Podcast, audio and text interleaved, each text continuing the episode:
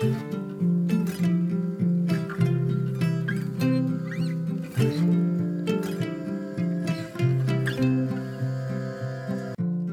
och välkommen till For Health med Anna Sparre. Äntligen dags för Jenny Kos, eller Vulverin som de flesta känner henne som. Ett fantastiskt avsnitt. Här har vi en stark, kunnig kvinna som inte är rädd för att uttrycka sig. Vi pratar om den unika kvinnokroppen och hur den fungerar med trender som hård träning, strikt kost, veganism, ketogenkost, fasta och så vidare. Och som vanligt konkreta tips. Idag mycket fokus på livsstilsfaktorer som till exempel kost och träning. Dessutom mycket om stressade och utmattade kroppar och sköldkörtelhälsa med mera.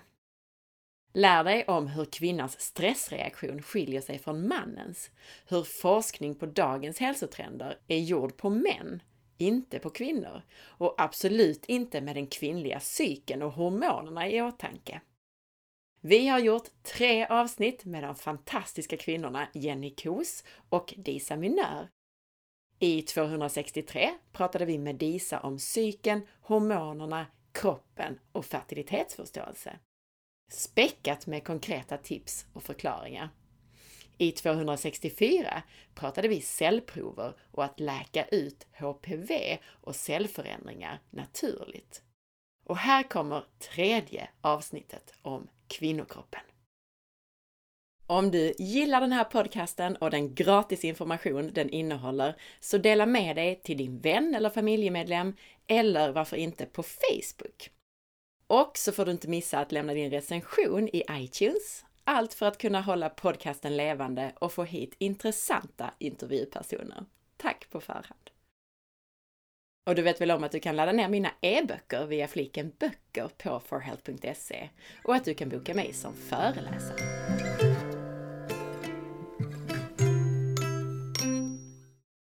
Hej Jenny! Hej! Välkommen hit till Kåseberga. Tack så mycket. Det var inte så långt. Nej, inte från Malmö. Precis.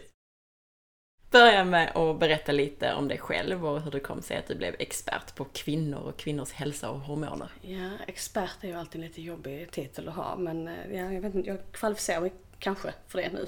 Något sånt tror jag. Det, det men jag har svårt att svänga mig med den titeln.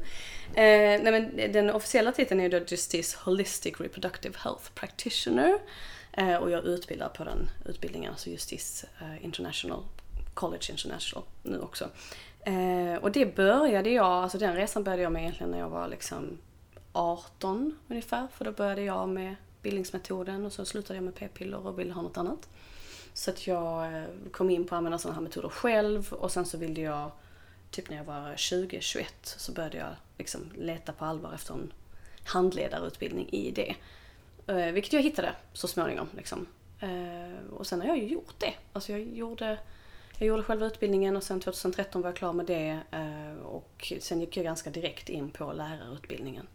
Så att jag har hållit på med det här liksom hela mitt vuxna liv. Men även om man, om man lyssnar på mina barndomsvänner och så, så har jag aldrig riktigt varit normal. Jag har tydligen pratat om kropps, kroppsvätskor och sånt sedan jag var typ 10. Så att, eh, vissa, vissa människor bara ämnade till det de ska syssla med. Liksom. Jag har ingen val, det är bara så här ett kall liksom. Mm. Mm. Och idag så ska vi prata om den unika kvinnokroppen. Och Mm. bland annat hur det kommer sig att man inte kan applicera samma hälsotrender på män och kvinnor. Mm. I stora drag, vad är skillnaden mellan män och kvinnors kroppar? Och vad är det som gör att vi reagerar olika på samma sorts kost eller träning?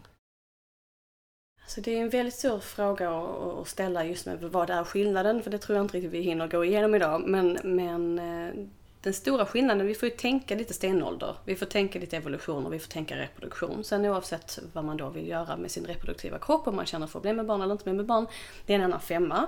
Men som många av oss vet som jobbar med hälsa så är kroppen fortfarande kvar i stenåldern. Vi har inte kommit så jättemycket längre vad det gäller våra reaktionsmönster och så rent fysiskt. Och där har ju vi lite andra behov eftersom vi behöver ha mer, vad ska man säga, konstant näring. Eh, vi har en annan, en annan stressrespons som inte riktigt är samma som fight or flight är för män. Eh, utan vi har snarare eh, liksom mer, heter det, friend, friend and befriend höll jag på att säga. Alltså att man, den första reaktionen på stress är liksom att försöka skapa band och försöka liksom ehm, få ihop flocken eller få en ännu större flock. Eh, till skillnad från då att eh, fäkta och fly.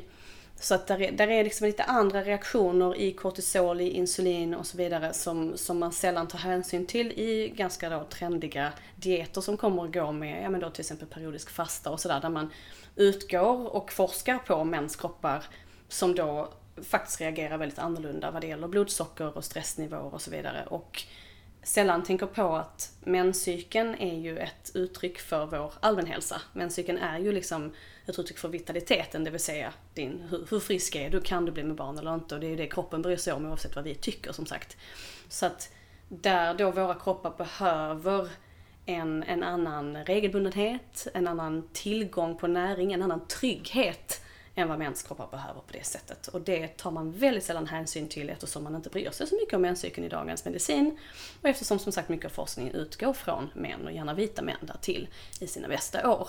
Så att eh, det märks ju väldigt mycket i vårt arbete, så där jag då som HRHP sitter och jobbar med eh, att analysera kvinnors menscykler verkligen på ett djupt plan och tittar på ja, men alla parametrarna i menscyklarna, inte bara ifall man blöder var en gång i månaden typ, utan vi tittar ju på hur många dagars fertilt sekret har man. Det här vet jag att du har haft ett avsnitt innan med Disa Minör som, som är en tidigare elev till mig och numera kollega. Eh, och där ni säkert har pratat om de här olika parametrarna och hur, hur det visar på just hur frisk du är. Så att om du tänker att man sitter hela dagarna och analyserar menscykler på ett plan som jag kan säga att ingen gynekolog gör.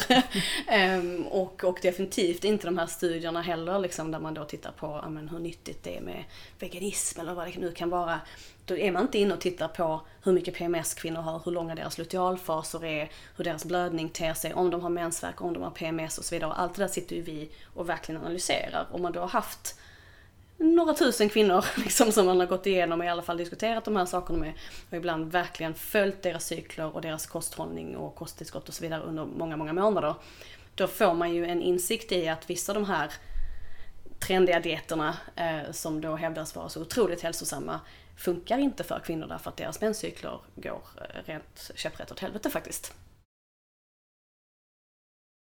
nu går jag nog händelserna i förväg lite grann, men jag mm. direkt så här, hoppar ju på det här. För, för det första så sa du det här med konstant näring. Mm. Så rent konkret betyder det då att eh, kvinnor inte bör fasta, utan de bör äta mer regelbundet? I stora drag ja. Därför mm. att våra kroppar reagerar som att, jaha, svälter du? Ja men då kanske vi ska prioritera att se till att du överlever.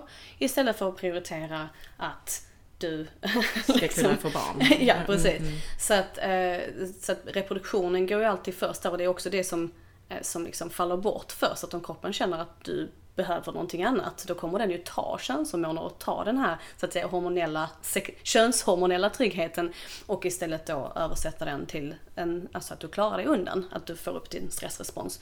Och där har man också sett att det finns ju studier som visar på att tittar man på då intermittent fasta, alltså periodisk fasta för kvinnor så händer något helt annat med deras insulinrespons. Det blir faktiskt värre vad det gäller då insulinresistensen än vad det blir för män som får en motsatt reaktion. Och som sagt, sen så pushar man ju ändå ut det liksom som att ja, men alla borde äta 5-2 fasta, det är skitbra, eller vad det nu kan vara för variant. Eh, utan att ta hänsyn till att våra kroppar kanske kommer att reagera mycket annorlunda. Jag kan känna att det är också en väldigt ofeministisk hållning i det långa. Jag är förvånad över att fler eh, i dagens då feministiska samhälle inte tar hänsyn till detta.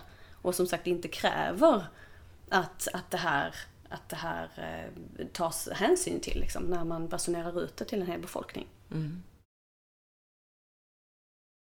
Rent erfarenhetsmässigt med de klienter jag jobbat så mm. särskilt då, de flesta kvinnor som kommer är stressade eller utmattade mm. och många av dem testar att fasta och särskilt här 16-8 fasta eller, eller fasta någon gång i veckan eller 5-2 och så vidare och det, det blir bara värre, mm. är min erfarenhet. Däremot så det finns ju väldigt spännande forskning på lite längre fasta och göra det mer sällan, alltså mm. en eller två gånger om året. Mm. Eh, fasta några dagar. Vad tror du om så? Det kan ju vara en annan, alltså det, som sagt det är nog en annan femma mm. helt enkelt. Därför men då försöker du heller kanske inte bli gravid precis under de dagarna du fastar. Nej. Alltså utan resten av året så behöver du ha en annan regelbunden blodsockerkurva och så vidare. Ja. Så, att, eh, så att det har jag inte liksom gått in så djupt på. Men överlag så är det liksom ingenting jag rekommenderar att folk ska fasta. Nej. Alltså, det får man väl göra om man vill men du kan räkna med att det kommer ha någon typ av effekt på din menscykel. Sen om det resulterar i att du får spottings eller får PMS eller blir infertil, det kan vi inte riktigt säga. Det beror på hur känslig du är. Mm. Och vilken typ av fasta du använder dig av såklart. Ja, precis. För min personliga tanke kring det har varit att just inte utsätta kroppen för att hela tiden 16-8 fasta, hela tiden 5-2 fasta. Utan då är det bättre i så fall att, som också under evolutionen, kanske någon gång om året, att det var svält en period. Så att säga. Eh, Ja. Och då är det normalt, för då blir man inte gravid precis då. Nej. Nej, precis. Utan det blir man ju när det är högsommar och när det finns, ja, när det finns tillgång på näring helt enkelt. Så att det, det, det är ju ganska logiskt egentligen när man tänker på det. Men ofta så missar vi det perspektivet just för att det, det är också Alltså mycket inom, eh, vad ska man säga, optimera dig själv-medicinen, som man kan kalla det. Alltså funktionsmedicin och så vidare, liksom, eh, näringslära, så, så är det ju som sagt mycket inriktning på prestation. Alltså du ska förlora så här många kilon, eller du ska deffa dig själv så och så mycket, eller du ska uppnå detta och detta. Och, och där, så att jag tycker det är väldigt, väldigt förvånande att man inte har gått in och specificerat sig på, okej, och det här gäller för kvinnor. För att det kommer vara en annan gren, det kommer vara någonting annat. Och i många fall är studierna inte ens gjorda Precis. ännu. Precis. Men du hade också lite intressant där om det här med den kvinnliga stressreaktionen. Och det lät Mm. ju väldigt eh, logiskt det här att kvinnor är gjorda för att mer... Tend and befriend heter det. Ja okej. nu. Ja men precis, ja, men reach out, alltså man Mm. mer, och, och det känner man ju också, så kvinnor har ju ofta det här eh, mer behovet av den här eh, kvinnliga Ja, och gemenskapen. community och, och, och, och att man också man har en enorm emotionell stressreaktion på till exempel avvisande, alltså det, det märker jag i alla fall i, i mitt arbete liksom att den emotionella stressen är nästan alltid värst. Alltså mycket värre än att plötsligt behöva, jag vet inte, köra en tenta eller springa ett lopp eller någonting sånt. Så, så är den här konstanta till exempel relationsstressen påverkar nog oss eventuellt ännu hårdare än vad den påverkar män. Jag ska inte säga att den inte påverkar män, men jag tror att rent eh, stressmässigt så är nog vår kortisolreaktion en helt annan. Och det är väl hur många klienter jag har träffat där de till exempel har försökt gå ner i vikt eller, eller försökt styra upp sina cykler, bli av med sin PCOS, fixa sin insulinresistens. Alla de här olika sakerna som man kan, kan och vill behöva fixa. Det går inte förrän de har lämnat en relation som var destruktiv. Går inte. Finns inte. Liksom. Och då är det ju just, det är ju kortisolet som är inne och bråkar hela tiden. Och det kan man inte komma ifrån. Alltså, ligger du på ett emotionellt plan, du får ju exakt samma fysiska respons. Det är bara att vi tar inte den på allvar för vi tänker att men det här är väl inte värdigt en fight or flight. Att det här är ju bara en dålig relation. Det har det bara lite jobbigt hemma. Ja men för kvinnor så kanske det är en mycket, mycket allvarligare grej för kroppen. Låt oss titta lite närmare då på en del hälsotrender och hur de påverkar oss, oss kvinnor då. Mm. Hård träning börjar vi med. Alltså det är väldigt nu inne att man ska köra Ironman, man ska springa maraton och så vidare. Ehm, crossfit. Ja. Hur passar det oss kvinnor? Löpning. Ja men precis. Hur passar detta oss kvinnor generellt? Ja, jag skulle säga att det inte är så bra så, alltså, eh, ni, de, de som följer mig vet ju liksom att jag, det är någonting jag tjatar och tjatar och tjatar om att löpning är liksom det sämsta möjliga för kvinnor.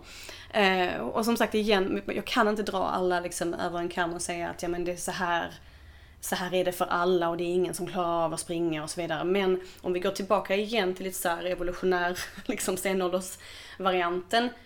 Om du tänker dig, hur många kvinnor tror du det var som sprang omkring med spjut? Liksom, generellt. Ja, och de som sprang omkring med spjut och fick den typen av kroppsbyggnad som man fick, eller som man får när man springer på det sättet eller tränar på det sättet. Det var nog inte de som fick barn.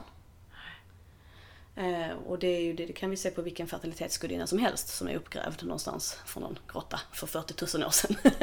men, eh, men det märks också liksom i, i menscykelkartorna som jag dealar med hela tiden och i liksom berättelserna och vittnesmålen som jag får in. Så, så, så märks det att det, det tar hårt just med den här högintensiva träningen. Och min teori där, och jag kan inte kan kanske inte förklara den riktigt så djupt som jag kommer kunna göra om 5-10 år när jag har researchat tillräckligt. Men det jag tycker mig se är att träning som helt enkelt slår på stresssystemet och som ger den typen av adrenalin-rush och endorfinkick som, som till exempel att springa snabbt eller liksom då högintensivt intervaller och den typ tabata och allt vad det är. Eh, då, då slår det ju på helt enkelt stresssystemet. och kroppen går omedelbart in på att prioritera bort reproduktion. Så att första steget är att få mycket PMS Eh, eller spottings, vilket är en form av PMS, ska jag säga, som att man småblöder flera dagar innan mensen kommer igång.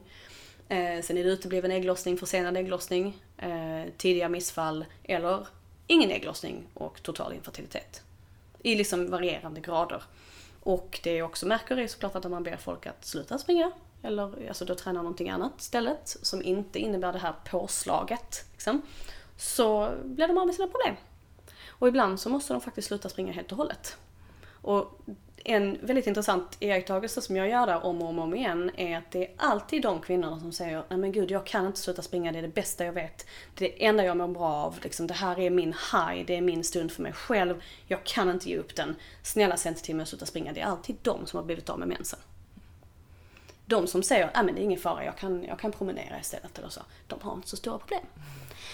och, min, och min slutsats från det är ju att alltså, när man har sett det ett antal gånger så förstår man att eller jag tycker mig förstå, att det har att göra med precis den hajen. Att så fort du kommer upp i den responsen som man ju blir, man blir ju euforisk av att kuta på det sättet. Men, men att, eh, att det också är precis den responsen som gör att cykeln slås ut. Att ägglossningen bara gone missing. Nej, det blir ingenting. Liksom. Eh, och så, det, så det är jätteintressant och som sagt vissa kan man bara säga till att men spring lite mindre eller promenera lite lugnare eller så. Och andra får man säga nej du får inte göra detta alls, du, ska, du får sitta ner, du får gå och börja dansa salsa om du måste gå och träna någonting. Eh, och apropå salsa så kanske du undrar liksom vilken, vilken annan träning ska man ta istället? För jag sitter ju, jag är ju uppenbarligen inte för att folk ska sitta på rumpan hela tiden och inte röra sig. Men jag tycker mig märka och känner också utifrån ett hormonellt perspektiv att det är mer logiskt att ägna sig åt träning som dels då förbättrar insulinresponsen, alltså styrketräning och den typen av saker där du inte får upp puls så våldsamt mycket. Eh, och dans.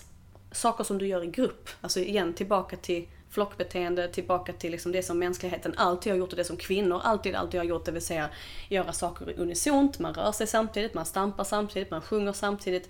Alltså den här typen av oxytocin-rush som man får, vilket ju är alltså oxytocinsystemet är ju då trygghet och kärlek och motsatsen är ju såklart fight or flight, det vill säga adrenalin och kortisol. Och de två systemen är ju liksom lite i krig med varandra, vi behöver båda två. Men i vårt samhälle idag så lever vi ju i största delen i en då lågintensiv eller högintensiv stress mer eller mindre hela tiden. Och vi får generellt så har vi ju kommit bort från nästan alla sådana här aktiviteter som jag nämnde, alltså då kommunitets, liksom flockaktiviteter som är extremt viktigt för att just, vad ska man säga, återreglera våra binjurar. Vi behöver ju oxytocinet, vi behöver beröring, beröring, vi behöver handarbete, vi behöver kör, vi behöver alla de sakerna. Och därför brukar jag säga att om du behöver träna, om du känner att du måste röra på dig, det måste du ju förr eller senare, du kan ju inte sitta stilla hela tiden. Försök att satsa på träning som du antingen gör i grupp, och då menar jag inte spinning, för då, då är du tillbaka på samma, samma igen. Mm. Men saker där du liksom, alltså till och med aerobics, alltså saker där du i alla fall Gör saker unisont med andra, där du känner glädje, där du känner att du njuter i din kropp, där du rör ditt bäcken så du får blodcirkulation. Alltså där du, eh, där du helt enkelt lever lite mer i oxytocinbanan liksom, än i adrenalinkortisolbanan. Mm. Är med på vad jag menar? Absolut. Och Corona har ju inte gjort det här bättre då. Nej, det har det verkligen inte. För nu är det ännu mer sitter man liksom och bara har hjärtklappning hemma själv. Mm, mm.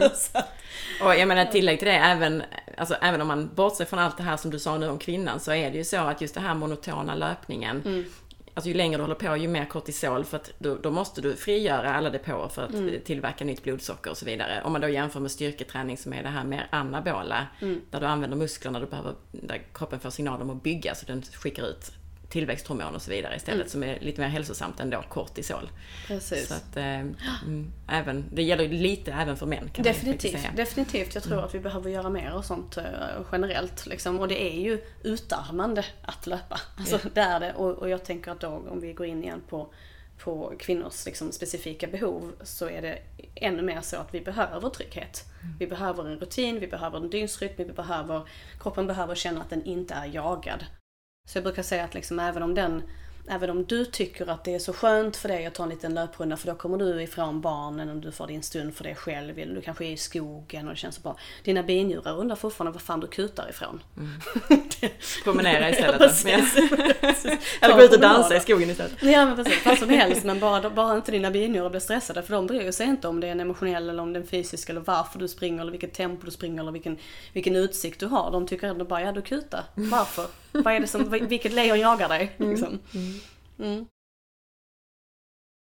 Nästa trend pratade vi lite om här i början och det är det här med periodisk fasta. Att man då till exempel bara äter en gång om dagen, två mm. gånger om dagen. Ehm, eller att man kör då fem, två, två dagar i veckan så äter man mm. knappt alls. Är det någonting mer vi ska säga om det? Eller känner du att vi... Alltså, jag, jag känner rent spontant att det, det finns inget tillfälle där jag skulle rekommendera det. Alltså för någon som vill ha en fungerande menscykel. Jag, jag, kan, jag kan inte se att det liksom för en kvinna skulle vara skulle vara varken nödvändigt eller, eller hälsosamt ur det perspektivet. Sen finns det säkert kanske andra saker man kan fixa eller en detox man behöver göra av något slag. Liksom. Men eh, jag tänker lite liknande kring veganismen där också. Mm. Att det är, det är ju en fasta på många sätt. Men du kan inte fasta för alltid. det, måste, det måste finnas en trygghet på andra sidan. Det måste finnas liksom en, en, eh, en näring som kommer till dig och, och, när kroppen hela tiden befinner sig, ska jag få mat nu? Ska jag inte få mat nu? Ska vi, hur mycket ska vi utrensa liksom? Då, då är det inget utrymme för, för reproduktion och, och det många kanske hör när jag säger det är så här, men jag vill ju inte bli gravid, det skiter väl jag jag vill bara ha en jättesnygg kropp. Ja, men du kanske vill ha en menscykel som eh, inte leder till en jävla massa lidande. Du kanske vill ha en fungerande ägglossning därför att du kan bara producera östrogen och progesteron i rätta mängder, i liksom optimala hälsosamma mängder. Och Du får tänka att varenda cell i kroppen har receptorer för östrogen och progesteron. Du kan bara producera det genom ägglossning. Så att du vill ha en frisk och stark ägglossning om du vill ha en bra benstomme och fungerande humör och libido och smörjning av dina slemhinnor i underlivet och övriga slemhinnor också för den delen. Alltså det är så otroligt mycket saker som påverkas av de här könshormonerna och för det måste, behöver du ha en vettig ägglossning. Och ägglossningen styr ju också hur din lutealfas blir och det är ju i lutealfasen som många lider av PMS. Och PMS har att göra med hormonobalans som i sin tur har att göra med då eh, hur bra ägglossningen gick egentligen. Eh, och sen då mensen och så vidare. Du vill inte eh, varken få blöda eller bara skvätta lite grann och du vill inte ligga dubbelvikt och kvida heller. Så att allt det här är ju igen uttryck för samma sak. Alltså oavsett om du sen skaffar dig barn eller inte så finns det en hälsovinning i att ha en fungerande menscykel. Och jag vill lägga till en sak där, där jag tror, det får säga om jag har fel, men jag tror att du har det med mig. Och det är att det vi säger är ju inte att att man eh, liksom ska äta konstant hela dygnet. Utan nej, nej. Det, jag tror att det många kan göra som kvinnor också, det är att äta sin middag lite tidigare till exempel. Mm. För kroppen behöver fortfarande ha lite vila, tarmar oh ja, oh ja. Och, organ och så vidare över natten. Men problemet i dagens samhälle är att vi äter mm. ofta ganska sent. Mm. Och sen så ska man då upp och äta frukost direkt på morgonen igen. Det är kanske bättre då att äta sin middag lite tidigare så att kroppen hinner varva ner och inte behöver smälta maten över natten. Absolut, en 12 timmars fasta över natten är ju inga problem. Liksom. Det är ju hur bra som helst. Precis, Precis. Ja, men det är värt att mm. betona det. Ja, mm. absolut. Ja. Och sen kom du in här nu då på, på vegan eller, eller vegetarisk kost. Mm. Att det är, kan vara lite som fasta. Beskriv lite mer där kring det. Alltså, det är ju ingen som säger emot att grönsaker är jättenyttigt. eller, eller frukt. Jag säger, eller jag är i alla fall inte emot frukt. Mm. Men eh, det är ju som sagt enormt, alltså det, det, är som sagt ingen som argumenterar emot att det är enormt hälsosamt att äta mycket frukt och grönt. Eh, och att det är fiber och det är näringsämnen och så vidare som vi behöver. Eh, och det är bra för tarmfloran och allt det där. Så att liksom, där har jag inga, ingen argumentation överhuvudtaget. Huvudsakligen plantbaserat, absolut.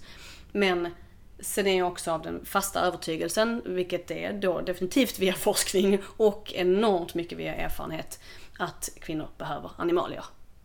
Sen tänker jag inte säga exakt hur mycket. Jag tänker inte sitta och säga att du behöver äta så här och så här mycket kött i veckan och det behöver vara det och det och det. Men du behöver få i dig bra fettsyror och gärna då från animalier. Du behöver få i dig kolesterol. Även om eh, veganivrarna gärna vill säga att oh, men du kan producera ditt eget kolesterol i levern. Ja, men eh, kroppen blir jätteglad om den får det på sked. Den blir jätteglad. Vi har hur många studier som helst som visar på att just veganer har lägre kolesterol än andra och då tolkar man det som någonting bra. Därför att ja, men kolesterolmyten och allt det där. Att ja, men kolesterol är dåligt så då måste det vara jättedåligt. Men, och, och då så mäter man då att man har lägre kolesterol. Ja men vad lägre kolesterol för en kvinna betyder i menscykeln är att du har mindre byggstenar till östrogen och progesteron och då mår du skit. och apropå studier på kvinnor som då saknas i stor utsträckning, mm. så de studier som faktiskt finns på kolesterol och kvinnor visar ju, mm. särskilt då på äldre kvinnor, att ju högre kolesterol, ju högre mm. ont LDL-kolesterol, desto hälsosammare, desto mindre risk för demens och så vidare. Och så vidare. Precis, ja, nej men alltså det, det, ja, därför att det stöttar ju östradiol mm. i kroppen. Och östradiol är ditt ungdomshormon på det sättet. Alltså, så att det kommer också vara inblandat i att skydda mot till exempel demens och så vidare. Så att det, allt går ju ihop liksom. Och många av de här studierna man pratar om till exempel kolesterol så vet du hur förvirrat det är. Liksom. Man vet inte om man pratar om det dåliga eller det goda och vad det handlar om. Men i grund och botten det jag försöker säga är att det är byggsten till dina könshormoner. Punkt. Vilket betyder att om du får, alltså äter du världens mest kolesterolfattiga diet, vilket är veganism, så, så, eh, så, så, kommer du helt enkelt ha mindre av det. Och det jag ser är att det är en enorm ökning av PMS-problem, PMDS, alltså det, det är liksom hela spektrat av cykelproblem. Och det här har ju kommit liksom efter, alltså nu har jag jobbat jag vet inte riktigt hur många, år, jag har pluggat i 12 år och jobbat kanske i sex av dem. Liksom. Eh, de senaste tre åren väldigt, väldigt intensivt, tagit enormt mycket klienter. Och ja, upp till 90% ungefär är vegetarianer eller veganer. Och eller, och eller var det när deras problem uppstod. Eh, och jag vet inte hur många jag har träffat där man, det räcker liksom med en klick smör om dagen. Eller lite musslor eller ja men du vet, kan du dricka lite benmärgsbuljong? Kan du göra någonting liksom, som ändå funkar många gånger etiskt för folk? Alltså att be folk äta lite inälvsmat eller ta en klick ekologiskt smör liksom, från någon gård någonstans. Det funkar ju för många så rent etiskt sett. Eh, och det är som natt och dag. Mm. Alltså deras liv är liksom, det är som att, som de brukar säga, livet rinner tillbaka i ådrorna på mig. Det är den responsen man får. Och förstås för att ha en fungerande menscykel så behöver du också ha bra protein. Eh, i tillräckliga mängder och det, om du ska få tillräckliga mängder protein på en vegansk kost så måste du äta jättemycket baljväxter och soja och så vidare som är en baljväxt. Mm. och det är problematiskt för tarmen och det är hormonstörande. Så det är det, det är en jävla massa gluten och soja och allt vad det är liksom och ärtprotein och gud vet vad. Och det är inte optimala proteinkällor. För det första är de inte fullvärdiga, det kommer de aldrig kunna vara. Och för att få nog med protein så måste du äta sjuka mängder. Och skulle du äta så mycket mängder så kommer din tarm vara fullkomligt förstörd. Så att kombon där av att dels få näringsbrist för att man inte äter animalier överhuvudtaget. Och då säger jag igen, jag menar inte att man måste liksom gå karnivor. Det är inte heller någonting jag direkt förespråkar. Utan jag menar att du kommer behöva en viss mängd. Sen hur mycket du behöver, vad du klarar det på, beror på många faktorer. Eh, kanske en del genetiskt, kanske en del hur mycket kaffe du dricker. alltså där, är, där är många faktorer i liksom hur mycket animalier du kommer behöva. Men eh, jag tittar ju på blodproverna. Alltså jag vet ju vad folk har brist på. Och det är ju de vanliga grejerna, men det är ju järn och det är D-vitamin och det är förmodligen A-vitamin också fast det ser man inte i de flesta blodprover. Eh, och det är eh, B12. Alltså det, det, det, det, är så klassiskt. Så det går liksom inte att ignorera när man, när man får sin fjärde vegan för dagen som mår precis lika jävligt som alla de andra. Man bara, men alltså, jag blir bara ledsen liksom. Eh, och jag förstår alltså varför det förespråkas, för att det kan ju ge Alltså dels är det som sagt nyttigt med grönsaker, men eh, det kan ju också ge en enormt bra utrensning. Alltså när man börjar, går man över från en standard allätar, alltså liksom sad diet liksom. Och, och sen plötsligt blir vegan. Det är väl klart, det är liksom helt självklart att det kommer kännas jättebra till en början. Därför att du får först plötsligt en väldigt genomrivning av alla fibrer du äter och så vidare där du kan rensa ut och du får liksom en boost. Eh, men som sagt, hur länge kan du fasta? Alltså hur länge kan du hålla dig på det innan du faktiskt inte har byggstenar för de mest grundläggande sakerna som gör din menscykel och gör din fertilitet.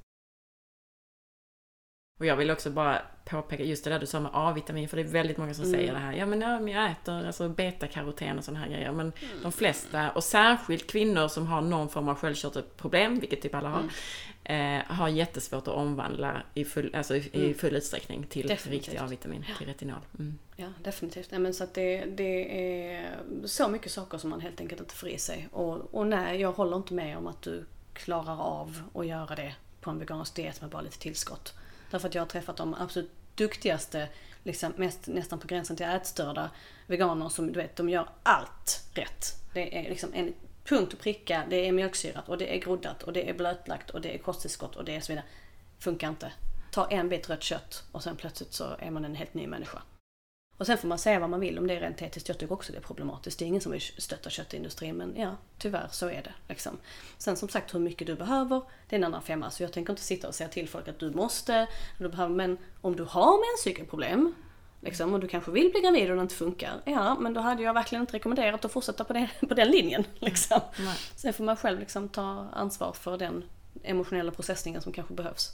Men också som du nämnde, alltså för många kan det ju räcka med att man lägger till kanske ägg eller kanske Mhm. som du sa lite musslor eller fisk eller någonting. Det behöver, man behöver inte börja med att äta rött kött direkt Nej. om man tycker att det är det som är problemet. Nej, Kanske man har en järnbrist, om man har en svår järnbrist så det är svårt Ja. att få upp den med smör. Precis, och det bästa då är ju att äta typ lever eller Ja. sånt där som kanske ändå ibland kastas för att Ja. folk äter för lite av det. Så att, eh, ja, jag tror vi kan fixa det. Perfekt. Och då kom du ju också in på det här nu då med carnivore. Och då tänkte jag det, alltså en sån, det är ju också en strikt kost åt andra hållet. Att äta carnivore eller en väldigt strikt ketogen kost då. Alltså, och båda de här är ju då väldigt, väldigt fattiga på kolhydrater. Mm.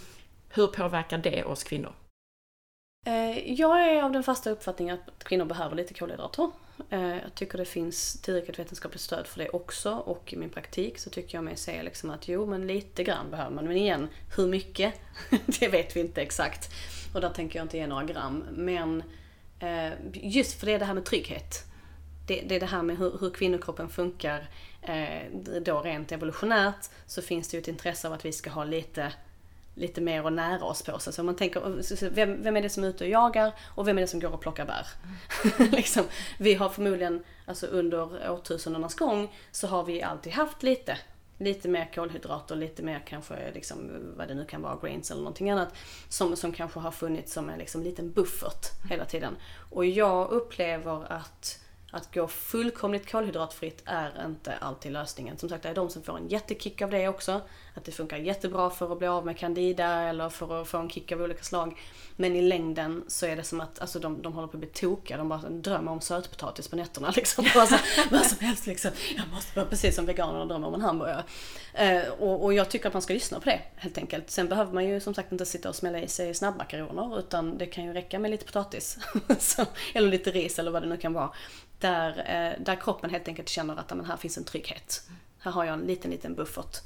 Eh, och ja, som sagt, jag tycker det finns stöd för det.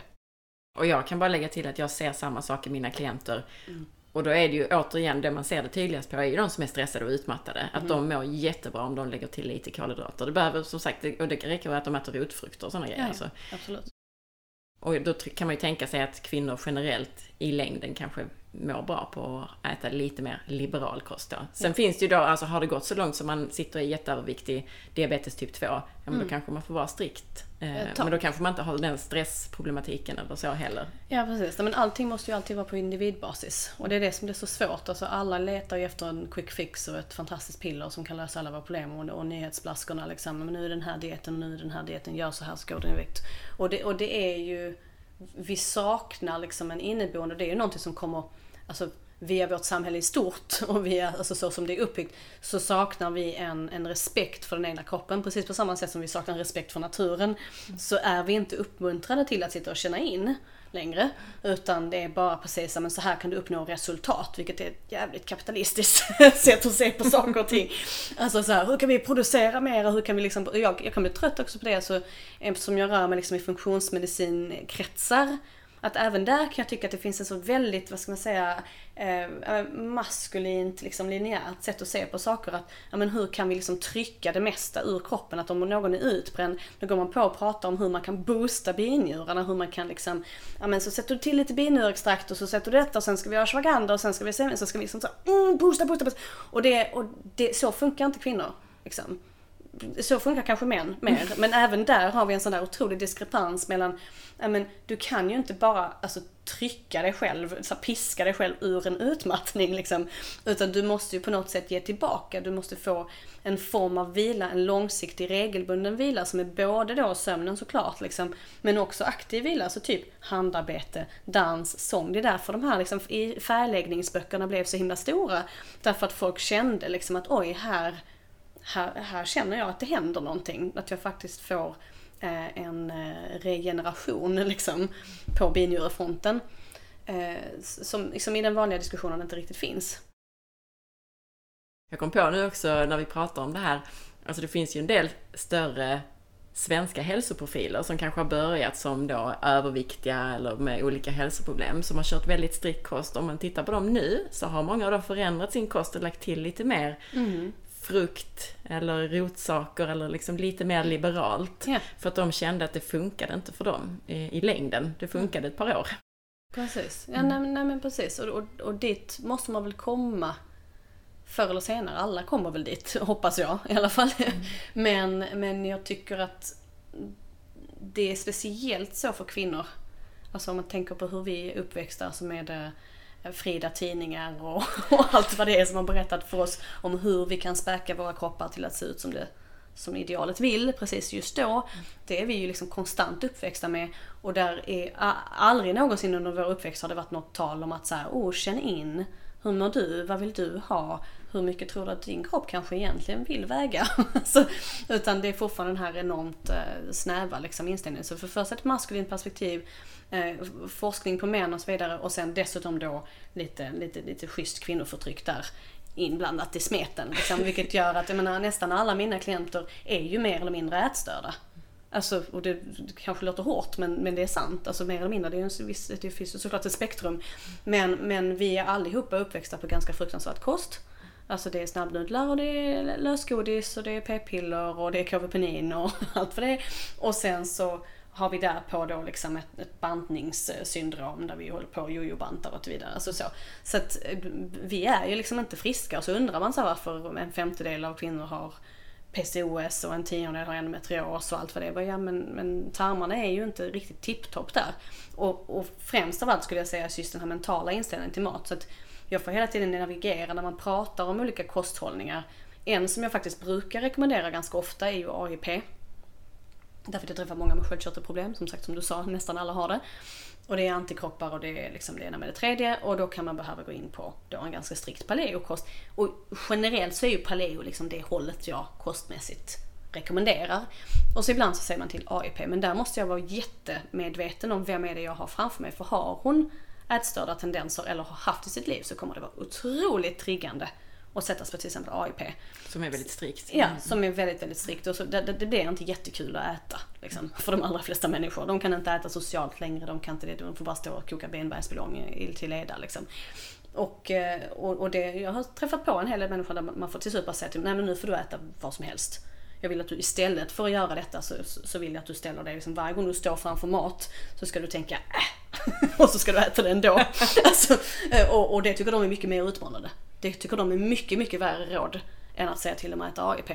Därför att de är så vana vid att förneka sig själv olika saker. Så att man får liksom jobba på hela tiden. Det är det mycket vi gör liksom inom min profession. Det är mycket mer av en terapeutroll än någonting annat. Att man hela tiden måste hålla hela personen i, i den liksom upplevelsen av kroppen. Jag ska lägga till där också, AIP är ju det här autoimmuna protokollet. Så mm. det kan man säga är en strikt form av, av eh, paleokost där man tar bort sånt som kroppen kan reagera på. Vi pratar mer om det i avsnitt 83 bland annat. Och just det här om kolesterol pratar vi också om i avsnitt 139 och 140 om det är någon som vill veta mer om det. Men en sak till som jag skulle vilja nämna om just ketokarnivor är att alltså, även om jag kan, kan känna också att det säkert hjälper i vissa lägen och under en viss period så är det ju då vad äter folk för typ av kött när de gör det? Alltså vill man ju att de ska äta gräsbetat och det ska vara nyttigt och så vidare och det är inte alla som gör det. Jag har haft framför mig Alltså eh, på samma dag har jag haft vegan och karnivor efter varandra. Vilket är väldigt intressant för jag jobbar mycket med Alltså dels är det menscykelläsningen men jag skannar ju lite av. Alltså när man, när man träffar människor så mycket så lär man sig titta på hudfärg och ja, men hur, hur oljig är huden och håret och hur ser naglarna ut och liksom hur mår de och vad har de för andedräkt. alltså, man har ju liksom en viss skanner. Och det är ju jätteintressant för veganen då som kom först såg ut som de flesta veganer som jag träffar gör, det vill säga ganska så smal. Eh, och lite åt det torrare hållet, lite blek för att det är en järnbrist och sen är det en allmän näringsbrist. Eh, och, men det finns liksom en, en lite kyla och torrhet över dem, jag ska prata i kinesiska ayurvediska termer. Eh, som, som är ganska typisk när man då är lite, jag skulle kalla det utmärglad faktiskt för att vara hård. Eh, och på eftermiddagen då så kom det en, och det är lite mer ovanligt, en person som hade käkat karnivordiet väldigt länge men då hade hon ju inte ätit kanske den optimala varianten utan det var nog en hel del korv och men sådär. Visst hon stekte i talg och så men det var, det var liksom, jag, jag förstod att det kanske inte var riktigt full on så nyttigt som jag hade velat se det. Men det var i alla fall en väldig massa kött. så. Eh, och då har vi ju motsatsen. Där kunde man ju se hur både östrogenet och testosteronet var otroligt högt. Så man kunde se liksom hur, alltså dels yppigare, man ser på den typen av fettlagring det blir. Eh, och eh, en inflammation fanns där. Så det var liksom, hon var rödflammig och klagade också på mycket olika sorters inflammationer. Och ständig sjukdom och så, vilket fick mig att tänka att okej, tarmfloran här är inte så bra. Där finns vissa näringsbrister för det första. Och tarmfloran är inte optimal. Här för, igen, var ska hon få sina lactobacilli ifrån? Efter en viss tid. Det måste liksom komma någonstans ifrån och mycket av det där är ju på till exempel grönsaker. Eh, och, eh, och en oljighet som också skvallrar om att det är mycket könshormoner. Och det är ju precis det som så att säga, veganerna säger att ja, men där är könshormoner i kött och du borde inte ha detta för det så liksom, du, du, du, du käkar en massa hormoner. Liksom. Ja, jo men det kan också slå över på det sättet faktiskt. Där, det, där, där jag tydligt kan se att okay, här har vi ett överskott på vissa könshormoner och här har vi ett underskott. Och så också då motsvarande skillnader i menscykeln, vilket jag tycker är enormt intressant. Att jag, alltså, jag, jag är inte för fundamentalism åt något hållet. Jag fick ju säga till karnevalen kan du, kan du käka lite gröna blad åtminstone? Du kan väl ta, liksom, ta, ta en bit broccoli då och då. Liksom. Och veganerna säger, ja det är lite musslor kanske, de har inget centralt nervsystem, de känner ingen smärta och de är nästan bra för naturen. Mm, kan vi tänka oss lite musslor då och då kanske? Så, så att man får liksom eh, så negotiate hela tiden vad folk är villiga att göra. Liksom. Men, eh, men jag tycker det är ja, fundamentalism är liksom aldrig någonting som funkar i längden, enligt mig. Och många hävdar ju då, alltså när vi pratar evolutionen och så, så vissa säger ja men eh, inuiterna här och så vidare. Men även när man tittar där så, så har man sett att men, de har ätit sjögräs, de har ätit mm. bär när det har funnits det. Så även om de har varit åt det striktare hållet så har det ändå ja. funnits eh, sådana saker. Och då gissar jag att har man då inuitgener, ja men då kanske man tål den kosten också bättre även ja. som kvinna. Men eh, ja, då precis. kanske man ändå ska ha lite bär och lite sjögräs. Ja. Eller som jag, jag träffade, eller jag har träffat många faktiskt indier och som just brukar vara de som, som man inom veganivra kretsar liksom hänvisar till att ja men de äter, har alltid ätit vegetariskt och det är liksom så himla så. Och de är ju jättebra. För det första, vad vet du om hur bra de mår tänker jag. Men, men, men för det andra så har jag pratat med en del indier som har flyttat till Sverige som säger att eh, det, det går inte att leva som vegetarian här, så jag blir så sjuk, så sjuk, så sjuk. Dels då för att vi inte har sol. Det är ju det första. Här är ingen sol. Eh, och det gör ju en jävla skillnad får man säga. Eh, och sen då att där är de vana vid att äta mjölkprodukter på ett, på ett annat sätt. Alltså bland annat mycket feta mjölkprodukter, det är mycket ghee, det är mycket mjölk, det är mycket ost och så. Eh, istället för att faktiskt vara clean veganer så, så finns det en ganska stark så att säga, mjölk bas som ju då såklart hjälper med typ A och D för att få upp det. Eh, och dessutom att tillagningsformen på mycket vegansk mat här, att det är liksom bara linssallad på linssallad och det, det, det, funkar inte för att tarmen klarar inte av det. Till skillnad från en välkokad dall som har stått i några dagar. Liksom.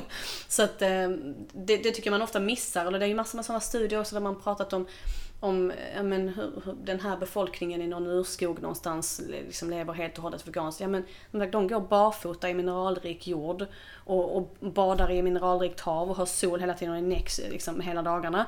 Och, och plockar mango från träden och sen så kanske de äter lite insekter också liksom, har de tagit upp det i studien? De där termiterna som man plockar i sig då och då. Liksom. Alltså, det, det, är så, det, är så, mycket sånt där man känner att liksom, du, du, kan inte bara ta forskning hur som helst och säga att ja, men det här folkslaget, kolla så länge de levde. Ja men du lever inte som dem, du är i Stockholm. Liksom, med kläderna på hela tiden, stressad som fan med kaffekoppen i handen. Liksom, det är lite skillnad faktiskt. Ja, det är det. Ja, jättebra. Om man då tittar lite mer på vad då som faktiskt händer med dina klienter mm. när de gör sådana här saker. Alltså när man kör på med stenhård träning, superstrikt kost och så vidare. Först och främst, menscykeln, där pratar vi mycket progesteron och östrogen. Mm. Vad händer med hormonerna?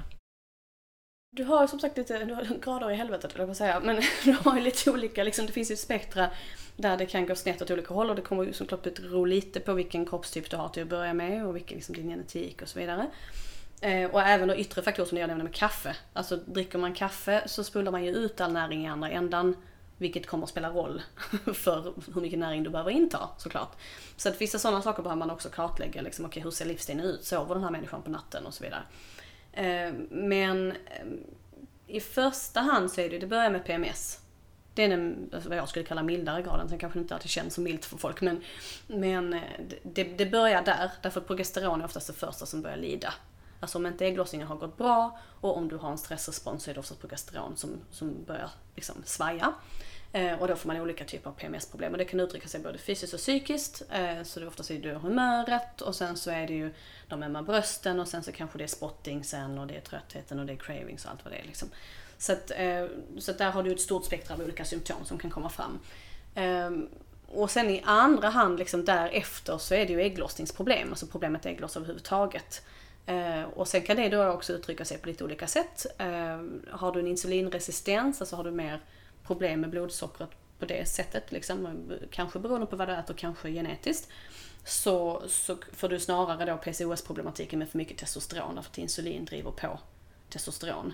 Så då får du mustaschen och, och finnarna och liksom den typen av eh, problem som tillhör så att säga PCOS-syndromet. Eh, eller så äter du alldeles för lite. Alltså som vi pratade liksom de här högpresterande, duktiga flickorna som, som vill vara veganer eller vill äta lågfettskost eller någonting annat. Vilket också är fullkomlig katastrof. Lågfett går ju fet bort helt enkelt. Det var snyggt. Fet bort där. Fick jag till det. Eh, pun intended. Eh, nej men eh, då, då kan det helt enkelt ta enorm, enormt lång tid innan man lyckas få igenom en ägglossning. Om man överhuvudtaget får igenom en ägglossning. Därför att du helt enkelt inte har nog med understöd till att sätta igång dina äggstockar och få en östrogenproduktion. Där finns liksom inte nog med kolesterol, där finns inte nog med lugn, där finns inte nog med näring eller protein överhuvudtaget. Så, eh, så det är liksom de olika, antingen så får du liksom ingen ägglossning eller en väldigt klen ägglossning som tar väldigt lång tid på sig eller så får du en testosteronövervikt och rent längdmässigt i cykeln så ser ju de likadana ut. Det kan ju ta 3-4 månader för någon att få igenom en menscykel. Därför att de får inte ägglossning men vägen dit kan se olika ut då hormonellt sett. Men utebliven ägglossning behöver inte betyda utebliven blödning, eller hur? Du kan ju få en, någon typ av genombrottsblödning, mm. alltså, eller bortfallsblödning ändå. Mm. Så det är vissa som faktiskt har mer eller mindre regelbundna cykler, men när man tittar närmare så har de ingen ägglossning. Så det händer det också. Men för att få en blödning så måste du ha haft en uppbyggnad av livmoderslemhinnan och för att få en uppbyggnad av livmoderslemhinnan så måste du ha haft östrogen, det vill säga aktivitet i äggstockarna, alltså folliklar som mognar. Så om du är den här andra gruppen som jag nämnde, alltså kvinnorna som liksom bara springer för mycket, äter för lite, så, då, då har du oftast ingenting att blöda ut. Det har inte varit någon tillväxt av livmoderslemhinnan. Eh, och då får, då får du knappt någon blödning alls. Eh, medan om du har haft eh, ansats till ägglossning, eh, oavsett hur lång tid den har tagit, eller så har du haft en östrogenproduktion så finns det någonting att blöda ut och då får du snarare då störtblödningsvarianten. Och det där är liksom oändligt varierat då. Alltså jag kan ju ha de veganer som då slutar menstruera för att det är alldeles för lite mat. Och sen har vi de som ändå lyckas ägglossa men, men det är en sketen ägglossning och det är PMDS och sen så är det störtblödningar. Därför progesteronet är så lågt och östrogenet är i relation till detta så ligger det då dominant. Liksom. Eh, så att, så att ja, det är, vad ska man säga, spektrat är oändligt så om man får titta på, okej okay, hur reagerar du på just detta? Så jag kan ju inte säga att jag, exakt det är detta som händer men någon, liksom, det börjar med PMS och sen så är det spottings och sen så är det ägglossningsproblem av olika sorter och sen är det missfall och sen är infertilitet. Det är ungefär skalan. Liksom. och min nästa fråga här, så först var det det här då, hur påverkas östrogen och progesteron? Och nästa fråga var hur påverkas måendet? Och det kom du in på här då, alltså PMS-måendet mm. bland annat. Oh, ja. Är det något annat särskilt som händer med måendet? Ja, Alltså eh, fysiskt sett så är ju östrogendominans inte så kul. så. Eh, och östrogendominans är också det är en sån där eh, term som är jättemissuppfattad också. Man tror ofta att östrogendominans betyder bara att man har för mycket östrogen, men det behöver det inte alls vara. Utan det är ju mängden östrogen eller så att säga höjningen av östrogen i relation till, eh, till progesteronet. Och du kan ju ha en östrogendominans fast du har för lite östrogen. Alltså du kan ha jätteklena östrogennivåer men om du har ännu lägre progesteron, ja men då är det fortfarande en dominans. Mm. så att, och att östrogenet äh, inte riktigt sjunker när det ska och så också. Ja, ja precis. Mm. Och sen har du ytterligare, precis som du kom in på där, eh, ytterligare problem så har du problem med lever och tarm. Alltså du är förstoppad hela tiden, du har en överbelastad lever, kanske på grund av koffein, stress, socker eller, eller alkohol. Eh, så, så kan du ha problem att helt enkelt göra det av. Du måste också eliminera dina hormoner och faktiskt skita ut dem. Och då, där är det bra att ha fiber exempelvis, För att annars kan det bli svårt. så att, så att det, det, du måste liksom ha en du måste ha dels en fungerande sköldkörtel faktiskt och du måste ha, en du måste ha tillräckligt mycket näring för att liksom kunna driva igenom en vettig ägglossning.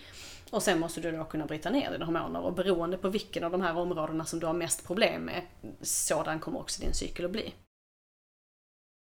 Och nu kom du också in på hur det påverkar själva menstruationen eller själva blödningen. Du pratade lite grann om störtblödningar och spottings mm. och så vidare. Kan du gå in lite mer på det? Alltså en första grej som är viktig att nämna tycker jag är att eh, har man en järnbrist så blöder man gärna mer.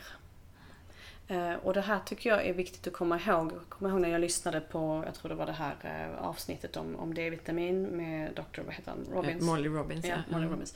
Eh, när han pratar om detta med att man inte ska tillsätta järn och så vidare. Att det, är liksom, det är inte bra att gå på tillskott av järn. Och jag kan hålla med i stor mån där. Att nej, det är inte optimalt att gå på järntillskott hela tiden. Jag har massor med olika problem där. Men många av dem jag träffar är ju kvinnor som mer eller mindre förblöder varje månad. Och har du en järnbrist så blöder du mer. Därför att det påverkar sköldkörteln i sin tur som funkar sämre. Så att liksom hela den här onda cirkeln startar där. Men då får du sämre ägglossning och så får du mer östrogendominans och bla bla bla bla. Det påverkar distributionen av olika östrogener och det påverkar koagulationen och så vidare. Och, så vidare. och ibland så är det bara så här, nej men nu får, nu får du ta en järnkur, nu får du ta en hjärninfusion. Bara så att du kommer upp och slutar liksom läcka som ett såll. Helt enkelt. Eh, och, och det kan jag också känna i mycket diskussioner om kosttillskott och så att, att eh, man pratar också om ja men då till exempel det här ska du inte ta och det här ska du inte ta och egentligen så är det inte bra med kosttillskott och så liksom. Och vi kan komma in lite mer på mina åsikter kring det sen men men eh, känslan för mig är att ja, men om du hade stått där med de kvinnor framför dig som just då inte har ätit en bit fisk de senaste 15 åren.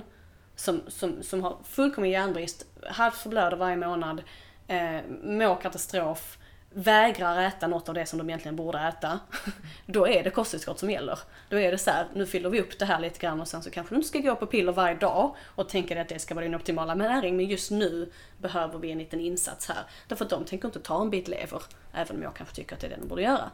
Ehm, så, så för att gå tillbaka till blödning så är det ju eh, ett problem som sagt att ha en järnbrist leder ofta till att man blöder mer och det är någonting som många inte är medvetna om. Ehm, utan de tänker att då behöver jag en hormonspiral för att stänga av mina blödningar. Ja, men vad löser det din grundproblematik liksom? det stänger ner blödningen men du har inte fixat någonting. Um, Alltså jag skulle mm. vilja göra en avstickare där, för där har jag funderat väldigt mycket. Och nu har jag inga studier på detta, det är bara en egen hypotes. Mm. Men det här med, alltså varför skulle en kropp blöda mer när den har brist på järn? Har jag funderat på. Mm. Och jag tänker så här, att det har lite, alltså jag är någonstans där mitt emellan dig och Morley där. Därför mm. att det som jag tror händer är att kroppen, ja den kan ha brist på järn men framförallt har den svårt att använda järnet mm. för att mm. den har brist på kanske A-vitamin och det här cerudoplasmin och så vidare som mm. Morley pratar om. Och då vill kroppen bara blöda ut det för att det här järnet är skadligt, det lilla järnet kroppen har. Mm. Så den vill blöda ut det. Så det den kroppen egentligen behöver kanske inte är själva järntillskottet utan den behöver levern med A-vitamin, ja. koppar och så vidare mm. för att kunna använda järn. Så det är min egen lilla hypotes kring varför och, och jag är helt med, med på den. Jag är mm. helt med på den. Det är bara att det vill inte mina klienter göra. Nej. Majoriteten. Nej. Alltså de flesta har ju någon typ av anledning till varför de äter som de äter. Antingen det är etiskt eller otherwise. Eller de tror att ja, men det här gjorde av med mitt, eh, mitt eksem. Så nu tänker jag göra detta för resten av livet och så funkar det inte så bra liksom. Eh, så att absolut, det är ju enormt komplext Alltså med just, med just tillskott och som du säger, jag hade också önskat, det som Anna Hallén skrev ett jättebra blogginlägg för ett tag sedan om just, alltså lite sån avrådan från kosttillskott mer eller mindre. Och då sa jag att ja men jag håller med. Och då var det flera av mina klienter som bara, vadå du håller med? Du säljer ju kosttillskott i princip liksom och du säger ju till mig att jag ska, ja men du har inte ätit alla de sakerna som jag vill att du ska äta.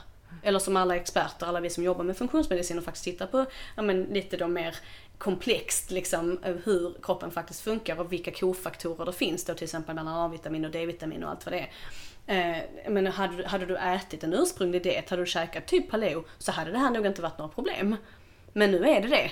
Så utöver att du inte äter ordentligt, dessutom så dricker du kaffe hela dagarna som spolar ut allting i andra änden. Ja, då blir det så att vi får stoppa upp det med lite kosttillskott först och sen kan vi utvärdera liksom vad som är hållbart. Så att jag är helt, helt med på liksom komplexiteten. Jag tycker inte heller att man ska liksom eh, gå på detta hela tiden men ja, folk behöver många gånger en boost. Och sen så kommer ju också många till mig för att de vill bli med barn nu, nu, nu. Vilket också är en problematisk inställning för att som sagt det har ju tagit ett par år att komma till den punkten att kroppen inte längre vill Eh, liksom fortplanta sig. Och man får väl tänka att det kanske tar några år att komma tillbaka till hälsa också, men det vill många inte utan de vill ha en boost. Och de vill ha det nu och då får jag försöka medla någonstans, okej okay, vad kan vi göra där jag inte helt och hållet köper din eh, IVF-hetsen som du har fått till dig från din nuvarande läkare. Om att nästa månad ska du insemineras, nästa månad ska vi göra äggplock, nästa månad ska vi göra detta och du måste liksom, ja, du vill bara boosta inför den här eh, behandlingen. Men där jag kan känna att, ja men vi kanske ska Eh, respektera att din kropp är lite för trött för att åstadkomma det där och inte tvinga den med hjälp av IVF-drogerna som är ganska hardcore liksom och inte kommer göra att du är mer fertil och mår bättre efteråt. Vi kanske ska försöka se till att, att du mår bra i, i din helhet först. Liksom. Eh, och då kan det ju bli så här att man hamnar någonstans i ett läge, men nu tar du de här tillskotten ett tag och så, så ser vi om tre månader, då kanske du kan göra ett äggplock eller så. Se om du är i bättre, bättre form då. Vi nämnde ju sköldkörteln också innan, att mm. många är påverkade och, och just det här då med det här med den strikta träningen och den strikta kosten och så. Hur ser du i dina klienter att det påverkar deras sköldkörtelhälsa? Med strikt träning? Ja, eller, ja nej, men det här som vi mm. pratar om, alltså att man, att man är väldigt strikt med sin kost åt ena eller andra hållet. Och tränar hårt och så vidare. Alltså så här som vi ser att många ja. gör. Hur, vad händer med sköldkörteln? Alltså, det, det, kan ju slå åt båda hållen lite. Att man kanske då initialt får en, en förhöjd respons, alltså en bättre känslighet för T3 eller liksom en mer um, en boost helt enkelt. Mm. Eh, men sen med tiden så tycker jag att det blir ju som sagt en, en utarmning. Där vi ändå landar i att det blir ja, alltså lite som en utmattning fungerar. Liksom att du, du får kortisol och så, för, så börjar allting snurra ihop sig och sen till slut så hamnar du med en, en, en låg T3 i cellerna eller i blodprov. Eh, och det innebär ju en funktionell hypotyreos. Så att det, det, har ju träffat många som har hamnat där. Jag har också träffat många som har haft eh, alltså då perioder av intensiv träning, alltså att de har sprungit något maraton eller de har liksom gjort någon triathlon eller någonting sånt. Eh, och därefter totalt kraschat och många gånger också med antikroppar. Alltså att det är mycket Hashimoto som dyker upp där. Den har jag inte riktigt dechiffrerat. Alltså många gånger, då får man kanske titta på hur mycket, hur mycket pasta åt dem för att träna inför det här. Det kanske var det som var problemet som fick upp deras TPO-antikroppar. Men, eh, men, men det är lite spännande liksom att det är många kraschade sköldkörtlar eh, hos kvinnor mm. efter, efter den typen av insatser. Yeah. Där de har tränat hårt inför ett lopp eller någonting annat och så har de hållit på några månader och det är ju liksom igen Alltså du, du försätter kroppen i ett otroligt stressläge. Du försätter kroppen i i en kris. Liksom, och vad förväntar du dig efteråt? Det är precis som alltså, när du har, du blir ju inte utmattad förrän du har tid att vara utmattad. Eller hur? Mm. Alltså när folk stressar och stressar och stressar och det är först när de liksom går ner i tid eller tar semester eller vad det nu är. Det är då som allting, liksom, det är då man får fakturan. Ja, här har du din utmattning, varsågod. Nu har du fyra års återhämtning. liksom, varsågod. Så, liksom. och, och den, den sitter jag själv i nu till exempel. Liksom. Eh, så att den, jag ser den väldigt ofta, just det här liksom, ja, men det, det, kommer det kommer en faktura på det du har gjort. Även om du tyckte att det du gjorde var väldigt hälsosamt. Eh, så tyvärr så är det inte det kroppen tycker riktigt. Du sitter själv i det som att du har stressat själv? Ja, mm. alltså jag, jag, jag, brukar säga att jag, eller brukar säga, du hörde hur illa det är när jag säger, jag brukar säga att jag, jag bara låtsas att jag inte är utbränd. Liksom. Jag går på så här lånad tid liksom. Och nu väger jag 10 kilo mer än vad jag brukar och det spelar ingen roll vad jag äter för jag varken äter mer eller onyttigare eller tränar mindre.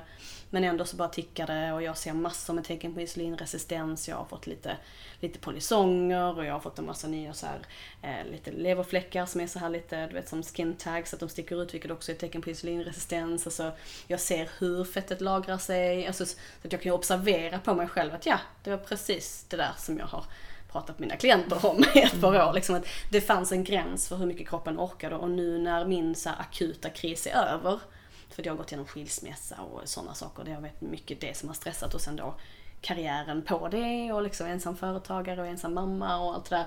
Och nu är jag liksom, nu börjar det faktiskt bli lite stabilt. Nu säger jag har en vettig inkomst, jag har en ordnad situation, jag har ensam vårdnad, jag har god kommunikation och så här. Och nu, nu slår det till liksom. Och då ser man att så här, rent hormonellt så spårar kroppen ur och jag har cykelproblem nu som jag aldrig någonsin har haft förut. Och tycker att men herregud jag tar ju det jättelugnt i jämförelse med vad jag har kunnat göra innan. Eh, så att det är lite samma sak, att hur det där slår. Alltså jag kan ju se nu att jag har ju en konstig sköldkörtelfunktion. Jag är frusen, jag är svullen, alltså jag har alla de där grejerna som jag vet är tecken. Eh, och, och då som sagt beroende på hur mycket vägde du innan, alltså vilken, vilken liksom, genetisk typ är du, vad kommer du slå på? Jag, nu börjar jag slå över till lite PCOS-hållet. Och det är ju bara så här, alltså utefter mitt arbete så tycker jag det, det är spännande att, att jag kanske är en av de få som med den insikten kan så observera exakt alla hormonella utspel och känna, ja men jag kan hålla detta, jag kan, jag kan äga detta och säga ja, det är fullkomligt logiskt. Det är klart att den kommer reagera så här. Och det finns inget kosttillskott i världen som kan ta mig ur detta. Alltså jag kan inte, jag kan inte liksom äta ihjäl mig på inositol och tänka att det kommer hjälpa liksom. Eller berberin eller alla de här sakerna. Jag vet ju vad som är bra rent liksom, kosttillskottsmässigt mot min situation. Men det handlar ju om den här långsiktiga insatsen att så här, igen tillbaka till det vi redan har pratat om. Regelbunden sömn, att, att minska på alla olika former av stress, att hitta träningsformer som inte går ut på att pusha mig själv för hårt. Jag får inte hamna i fällan att jag ska gå ner de här kilorna med hjälp av löpning. Det hade säkert funkat för att gå ner dem men jag hade fått ett straff. Definitivt. Så att, eh, så att, liksom att försöka applicera allt det där jag redan har sagt nu liksom på mig själv är ju en ytterligare utmaning rent Alltså rent eh, psykiskt liksom och spirituellt faktiskt. Mm. Att, att, att verkligen säga, nej men håll din egen skit nu. Nu sitter du här, betala fakturan. Mm. Det kommer ta ett tag. Avbetalning blir det. Mm. liksom. För att det går, det går inte att fixa vissa saker eh, utan, jag menar jag sitter ju med Instagram klockan två på natten. Vad, vad tror jag ska hända? Klart att kortisolet är helt upp och ner. att, ja. Mm. Och jag försöker förmedla det liksom på ett ödmjukt sätt till klienter. Att det, det finns ingen anledning att sitta här och leka guru liksom, och säga att ja, men, eh, jag äter så här och det blir så himla bra. Ja men det finns andra faktorer utöver vad du äter. Liksom, jag äter typ så som jag säger att man ska äta. Mm. Det är ju, alltså mina rekommendationer, vad ska man säga, kostråd är ju ungefär, ja men åt paleohållet, men liberalt. Så. Katta inte kolhydrater fullkomligt utan behåll lite grann. Och såklart var medveten om vad du tål och inte tål. Om du inte tål mjölkprodukter, ja men då kan du inte äta det. Liksom. Tål du mjölkprodukter så tycker jag att man ska äta det faktiskt. Eh, därför att jag som sagt har så många veganer och så, så jag ser hellre att de äter lite smör än att de äter margarin. Mm. Som sagt, om du ska äta lite kolhydrater så kanske inte gluten är det första du ska gå till. Eh, gluten är generellt någonting som jag tycker att man ska undvika helt och hållet. Och det gör jag själv också. Ehm, såklart att man håller nere på socker. Koffein är ju en sån riktig värsting liksom. Vad det gäller mycket nästan värre än alkohol i vissa fall. Beroende igen på leverhälsa och hur man fungerar. Um, ja, det är väl egentligen det liksom det är ganska så här, ja och sen så får du gärna äta till största del plantbaserat, absolut. Det finns ingen anledning att, att liksom hålla sig borta från det så länge du tänker på att vissa grönsaker så, de gillar inte att bli uppätna. Vissa grönsaker behöver du tillaga. så eh, så att eh, jag äter ju typ så och gör typ sådär och tar kosttillskotten typ så som jag brukar säga till folk att ta det i allmänhet. Eh, om man ser till liksom den stora massan som bara vill ha en allmän fertilitetshöjning eller fixa sina menscykler. Men det hjälper inte om du inte sover på nätterna. Det hjälper inte om du har skärmtid från klockan 07 till 02 på natten. Liksom. och, så, och så vidare och så vidare. Och så vidare. så du, du, behöver ju liksom ändå se till helheten och någonstans tror jag det är det vi har missat. Att alla är ute efter som sagt den här quick fixen. Men vi glömmer att du är fortfarande en steldonnorskropp. Du måste fortfarande göra vissa saker i enlighet med solen och årstiderna och var du bor. Du kan inte ta en random studie och applicera det på dig själv och så handlar den om då en vit man i Texas. Det går inte. Jag tycker det är jättebra också att du tar upp det här med, alltså som du sa, det här med stress. Alltså även vi som då arbetar med hälsa och gör mm. väldigt många saker rätt. För mig det också, det är stressen, alltså den, Gud, ja. vi lever i det här samhället. Eh, och dessutom har vi den här emotionella stressen mm. från relationer och annat och så vidare. Som, ja, ja. som ger oss, oss också en massa skit trots att vi äter rätt och gör mm, andra mm. saker rätt. Ja men, men precis, det, det, finns en gräns för hur långt man kan komma med en metod. Liksom. Mm. Och det är därför det är just den holistiska vägen är det enda som funkar. Liksom. Och ibland så får man bara suck it up. jag vill också nämna för att vi kommer in på sköldkörtelhälsa och kopplingen till könshormoner och så. Alltså bland annat, just, du nämnde ju T3 behövs mm. ju bland annat för att kolesterolet ska omvandlas till mm. könshormoner mm. i cellerna. Så att eh, alltså det Precis. finns ju en koppling där till könshormoner så som vi pratar om. Mm. Jag, brukar, jag brukar likna sköldkörteln och T3 specifikt, alltså det är ju cellenergi, alltså i och med att det påverkar mitokondrierna, ATP och så vidare. Eh, så det är liksom din direkta energi, jag brukar kalla det för klimatet. Att om du ska odla en planta så det, blir, det, är svårt att odla liksom plommon på Svalbard eller avokado i Umeå och sådär. Liksom, om, du, om, om du vill liksom anpassa Alltså dels måste du förstå vilken typ av frukt kommer det vara, vilken typ av näring behöver du. Hade du haft en husplanta, hade du haft en fin orkidé, så hade du tänkt på luftfuktighet och du hade tänkt på vilket gödsel du ska använda och liksom, men hur mycket skugga, hur mycket sol och täcka den på natten eller vad du nu gör. Liksom. Men vi har ju ingen ingen känsla för det själva utan vi går på liksom första bästa hälsoråd som kommer upp ska vi försöka applicera på oss själva oavsett var vi bor och vilken biologi vi har och, och så vidare. Att, inte, att man liksom inte går in och ja, men just respekterar den biten. Men, men då tillbaka till sköldkörteln att eh, eftersom det är klimatet, alltså du, du måste ha en viss, grund, en viss grundenergi för att kunna driva igenom en vettig menscykel. Och, och där är ju sköldkörteln A och O i det vi håller på med. Jag trodde aldrig att jag skulle bli så duktig på sköldkörtel så att jag kunde hålla föreläsningar om det själv när jag började plugga detta. Men det är ju liksom var och varannan person.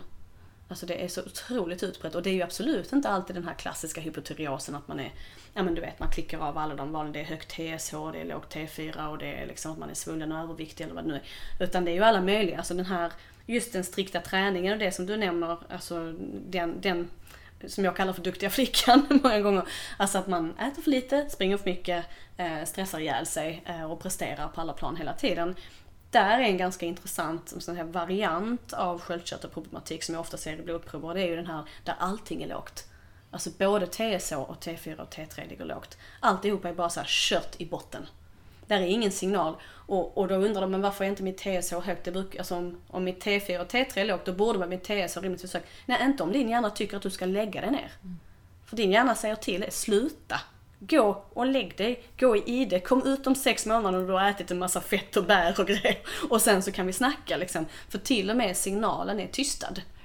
Eh, och samma sak är ju lite det där med att komma tillbaka efter en utbrändhet är ju, eh, alltså, jag nämnde det här innan med boostkulturen som jag tycker är väldigt maskulin och väldigt hypad, liksom även inom naturmedicin om du ska starta upp så att säga, om du, ska, om du nu har, om du tror på konceptet trötta binjurar, som jag inte tycker riktigt existerar, utan det som händer är ju, det är väldigt sällan så att binjurarna i sig faktiskt är trötta. De, de, de har inte lagt ner. Om du inte har någon ovanlig sjukdom så fungerar de oftast alldeles utmärkt. Men det som har hänt är att det är ingen signal från hjärnan längre och det är där du måste ha det här som jag nämnde innan, du måste ju faktiskt unwind. Du måste få dina binjurar att lugna ner sig på något sätt och det får man inte alltid bara genom Eh, genom till exempel att ta binjurextrakt, för då är det verkligen inte det som händer utan det som då fuckar du ännu mer med den här signalen mellan hjärna och binjure där, där det, kan, det kan bli totalt ödesdigert för personen i fråga att de inte alls kan komma upp ur det där hålet. Eh, och på samma sätt så kan du inte heller alltid sova dig ur det. Alltså du kan, är du utmattad så kan du sova 20 timmar om dygnet men det hjälper inte. Du behöver vakenaktiviteter som ändå är en sorts aktiv vila. Om det sen är meditation eller om det är pallplattor eller om det är makramé, vad vet jag. Alltså du, du behöver någonting som gör att dina binjurar faktiskt långsamt kan börja kommunicera med hjärnan på ett vettigt sätt igen. Och så är det med precis allting. Och inom fertilitetsvärlden alltså så är, tror folk hela tiden att äggstockarna är att beskylla för saker och ting. Att men mina äggstockar de sköter inte sig. Jag har PCOS och mina äggstockar är dumma. Ja, men äggstockarna gör i princip ingenting självständigt. Alltså de, de tar bara order. Så allting annat är ju att beskylla liksom. Och, och då, hur ska du få din hjärna att då via sköldkörtel, via binjurar, via lever och tarm och allt det där kommunicera med dina äggstockar på ett vettigt sätt igen. Klokt. Du har varit inne på kosttillskott och du rekommenderar ofta bland annat D-vitamintillskott. Mm. Och vi har ju haft Molly Robbins här och han mm. är ju väldigt tydligt emot att ta mm. D-vitamintillskott. Förklara hur du tänker kring det här och vilken nytta vi kvinnor har av D-vitamin. Mm. Ja, och, och det där är intressant för jag håller faktiskt med till ganska stor utsträckning. Det är problematiskt att ta D-vitamin i, speciellt i höga doser och syntetiskt och i längre perioder. Ehm, jag tittar ju som sagt också en hel del på blodprover så att jag eh, har ju sett liksom hur de som tar 10 000 om dagen, som var någon rekommendation som gavs, jag vet inte i vilket sammanhang den gavs, men det är många som följer det att man kan ta 10 000 IE om dagen året runt i Sverige. Och så gör man det och det är de som har överdosvärden. Och när du, när du tar, precis som Morley Roberts då säkert har förklarat, när du tar mycket D-vitamin liksom, så pushar det ju upp kalcium och det stör med magnesium och sen så har det en relation med A-vitamin när de behöver vara i balans med varandra. Så det är otroligt komplext som sagt. Eh, och du behöver ju också som sagt eh, du behöver kolesterol i huden för att kunna liksom tillskansa dig D-vitamin. Eh, om du dricker massa koffein så blockerar det faktiskt dina D-vitaminreceptorer. Du behöver magnesium för att aktivera dina Så där är, där är ju liksom massor med som sagt kofaktorer som är inblandade där och jag tycker att det är problematiskt. Jag rekommenderar aldrig någon att ta D-vitamin dagligen i långa perioder. Däremot så har jag märkt genom att studera just eh, follikeln, alltså då äggblåsan, att den har ju receptorer för D-vitamin. Det finns ju en anledning till att vi har mest födelsedagar i Sverige i mars och april. Därför att folk blir gravida på sommaren. Och det är inte bara för att de är på semester utan det är för att de får sol. Det finns en anledning till att vi tycker att eh, sydlänningar, eller alltså då sydeuropeer är så himla liksom, kåta och glada och trevliga och sociala. Och det är för att det är en annan biokemisk verklighet och det är också därför svenskar blir så när de plötsligt får av sig kläderna och åker till Mallorca. och det är, inte, det är ju inte bara för att man får lov att ha på sig shorts som man, som man blir så trevlig. Utan man blir trevlig därför att om du har D-vitamin så är det ju ett prohormon. Eh, och jag tycker absolut att det är viktigast att få det via solen och via bra animaliska fetter, vilket är de källorna du har för att tillskansa dig det i övrigt. Men som sagt, de flesta som jag träffar får ju varken dera. De får ju ingen sol och de får inga animaliska fetter så de får liksom varken del av A-vitamin på det sättet. Och då plus kaffe och magnesiumbrist och hela den liksom raddan. Eh, och då tittade jag på ja, men just studier kring liksom infertilitet i de nordligare, liksom på de nordligare breddgraderna och vad som händer i själva follikeln. Och det här prohormoneffekten är ju att, alltså precis som vilken frukt som helst, om du tänker fruktsamhet, så tar ju då fruktskalet emot solens strålar. Och liksom, på samma sätt har vi då D-vitaminreceptorer på själva follikeln som hjälper till i aromatiseringen, alltså det här eh, aromatas då, enzymet som konverterar androgenerna i follikeln till östradiol. Och östradiolet är ju i sin tur ansvarigt för att hjärnan ska kunna skicka ut själva kläckningssignalen, det vill säga LH, att hjärnan ska känna oh, nu är folliken färdig, nu ska vi kläcka. Så behöver du komma upp i en peak av östrogen för att detta ska hända och det är där många inte kommer någon vart. Så när jag pratar om de här långa cyklerna där folk inte lyckas komma fram till ägglossning så är det väldigt ofta så att där är helt enkelt inte en östrogentopp som är hög nog utan det ligger liksom och svajar och svajar och svajar och det är liksom halvmesiga nivåer. Och där är D-vitamin otroligt effektivt. Så jag tittade mycket på, jag skrev en uppsats om detta när jag gjorde mina slutarbeten för att bli lärare på justitieutbildningen. Och eh, då hittade jag massor med studier som visar på att man kunde fixa PCOS och optimera IVF-resultat och så vidare just genom att ge maxidoser D-vitamin. Och så, så började jag tänka på, okay, men hur funkar D-vitamin? Jo, det har ju en halveringstid på 20-29 dagar, vilket är eh, typ som en menscykel faktiskt. Och det är därför du blir lite deprimerad typ två veckor efter att du har kommit hem från semestern så börjar det kännas jävligt tungt. liksom, det är då det går ur kroppen ungefär. Eh, och det har liksom den här halveringstiden och när du går ut i solen så är det ju också upp till 50 000 på en halvtimme. Sen stänger ju huden av och så blir du solbränd och sen är det bra. Så, så lagrar du det där D-vitaminet. Så att kroppen har ju liksom en inbyggd mekanism för att faktiskt kunna ta emot ganska stora doser och hantera dem en längre tid.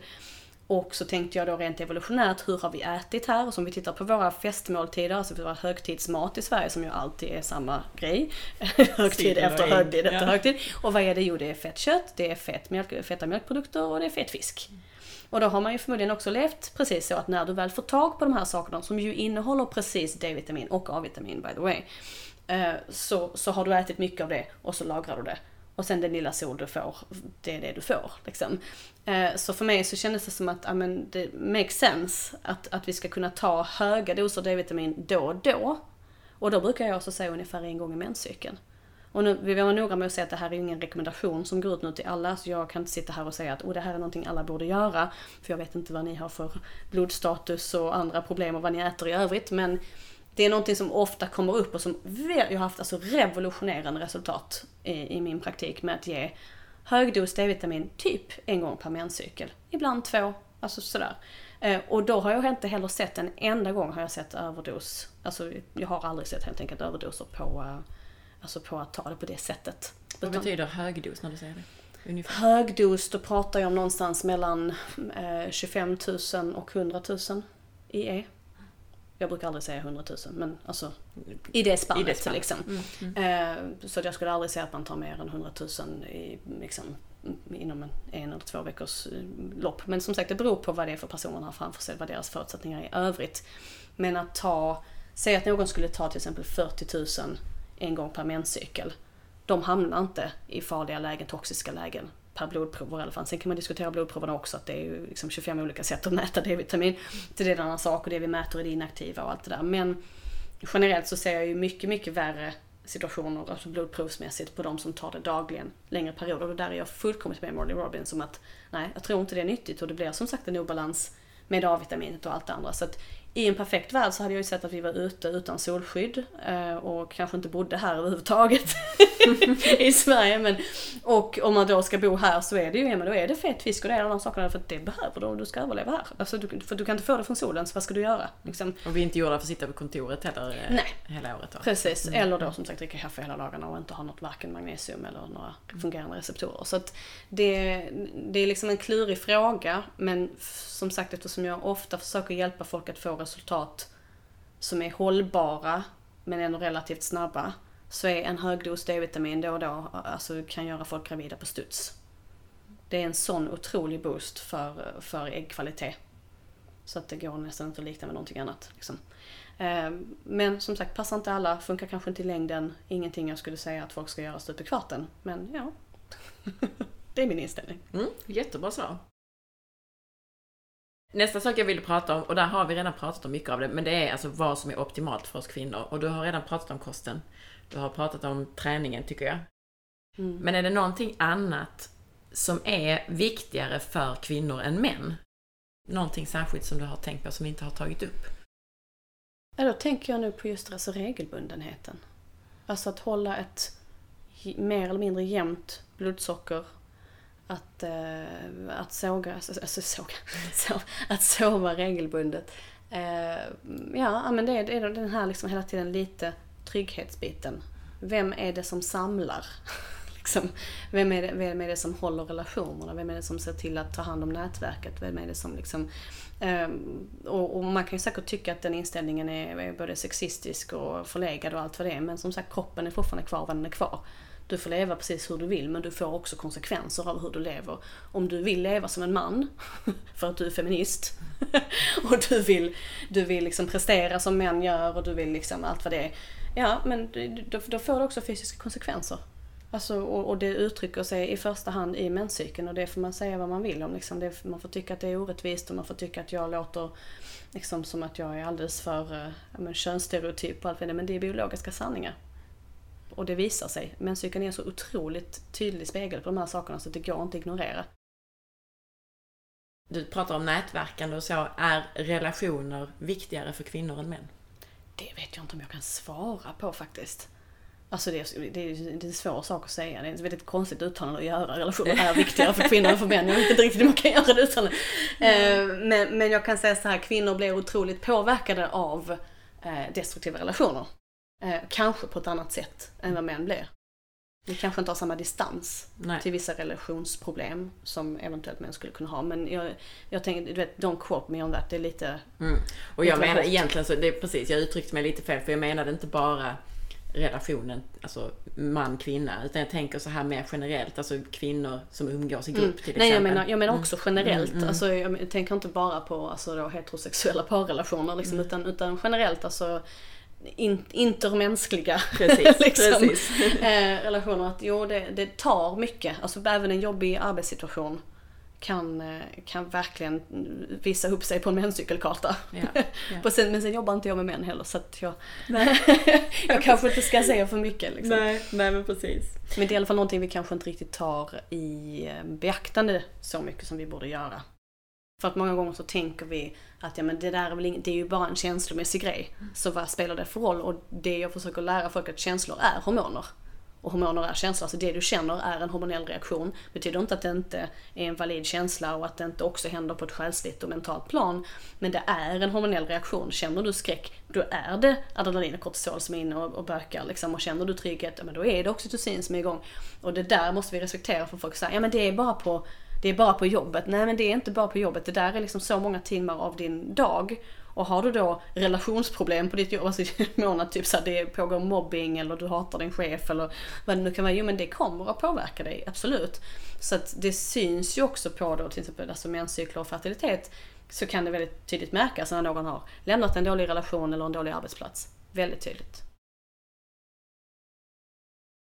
Du nämnde ju här D-vitamin lite grann. Alltså det kan man säga är lite av någon form av quick fix hack. Lite grann sådär. Ja, hack kan det nog falla under. Ja, lite, lite grann sådär om man nu vill bli mm. gravid snabbt. Mm. Så eh, kan man ju ha uppfattat i alla fall. Alltså jag hade ju ännu hellre skickat folk till Aruba på en semester. Ja, men tyvärr har de inte råd med det alla gånger. D-vitamin är billigare och snabbare. men det jag tänkte på, är det några andra sådana särskilda hacks? Alltså om vi nu gör allt annat här som vi har pratat om först, det, det, det Mm. utgår vi ifrån att det är det viktigaste. Men är det någonting annat sånt som du, som du har fått väldigt häftiga effekter Ta bort koffein. Ta bort koffein. Eh, Utan tvekan. Mm. Helt revolutionerande. Alltså jag tror, jag tror alltså är det inte läkemedelsindustrin som, som lönnmördar mig för så är det väl kaffeindustrin. alltså för att de, de måste hata mig vid det här laget för det börjar bli typ en revolution kring just kvinnor som slutar med koffein. Jag har aldrig lärt mig tycka om kaffe. Gud vad jag blir glad nu.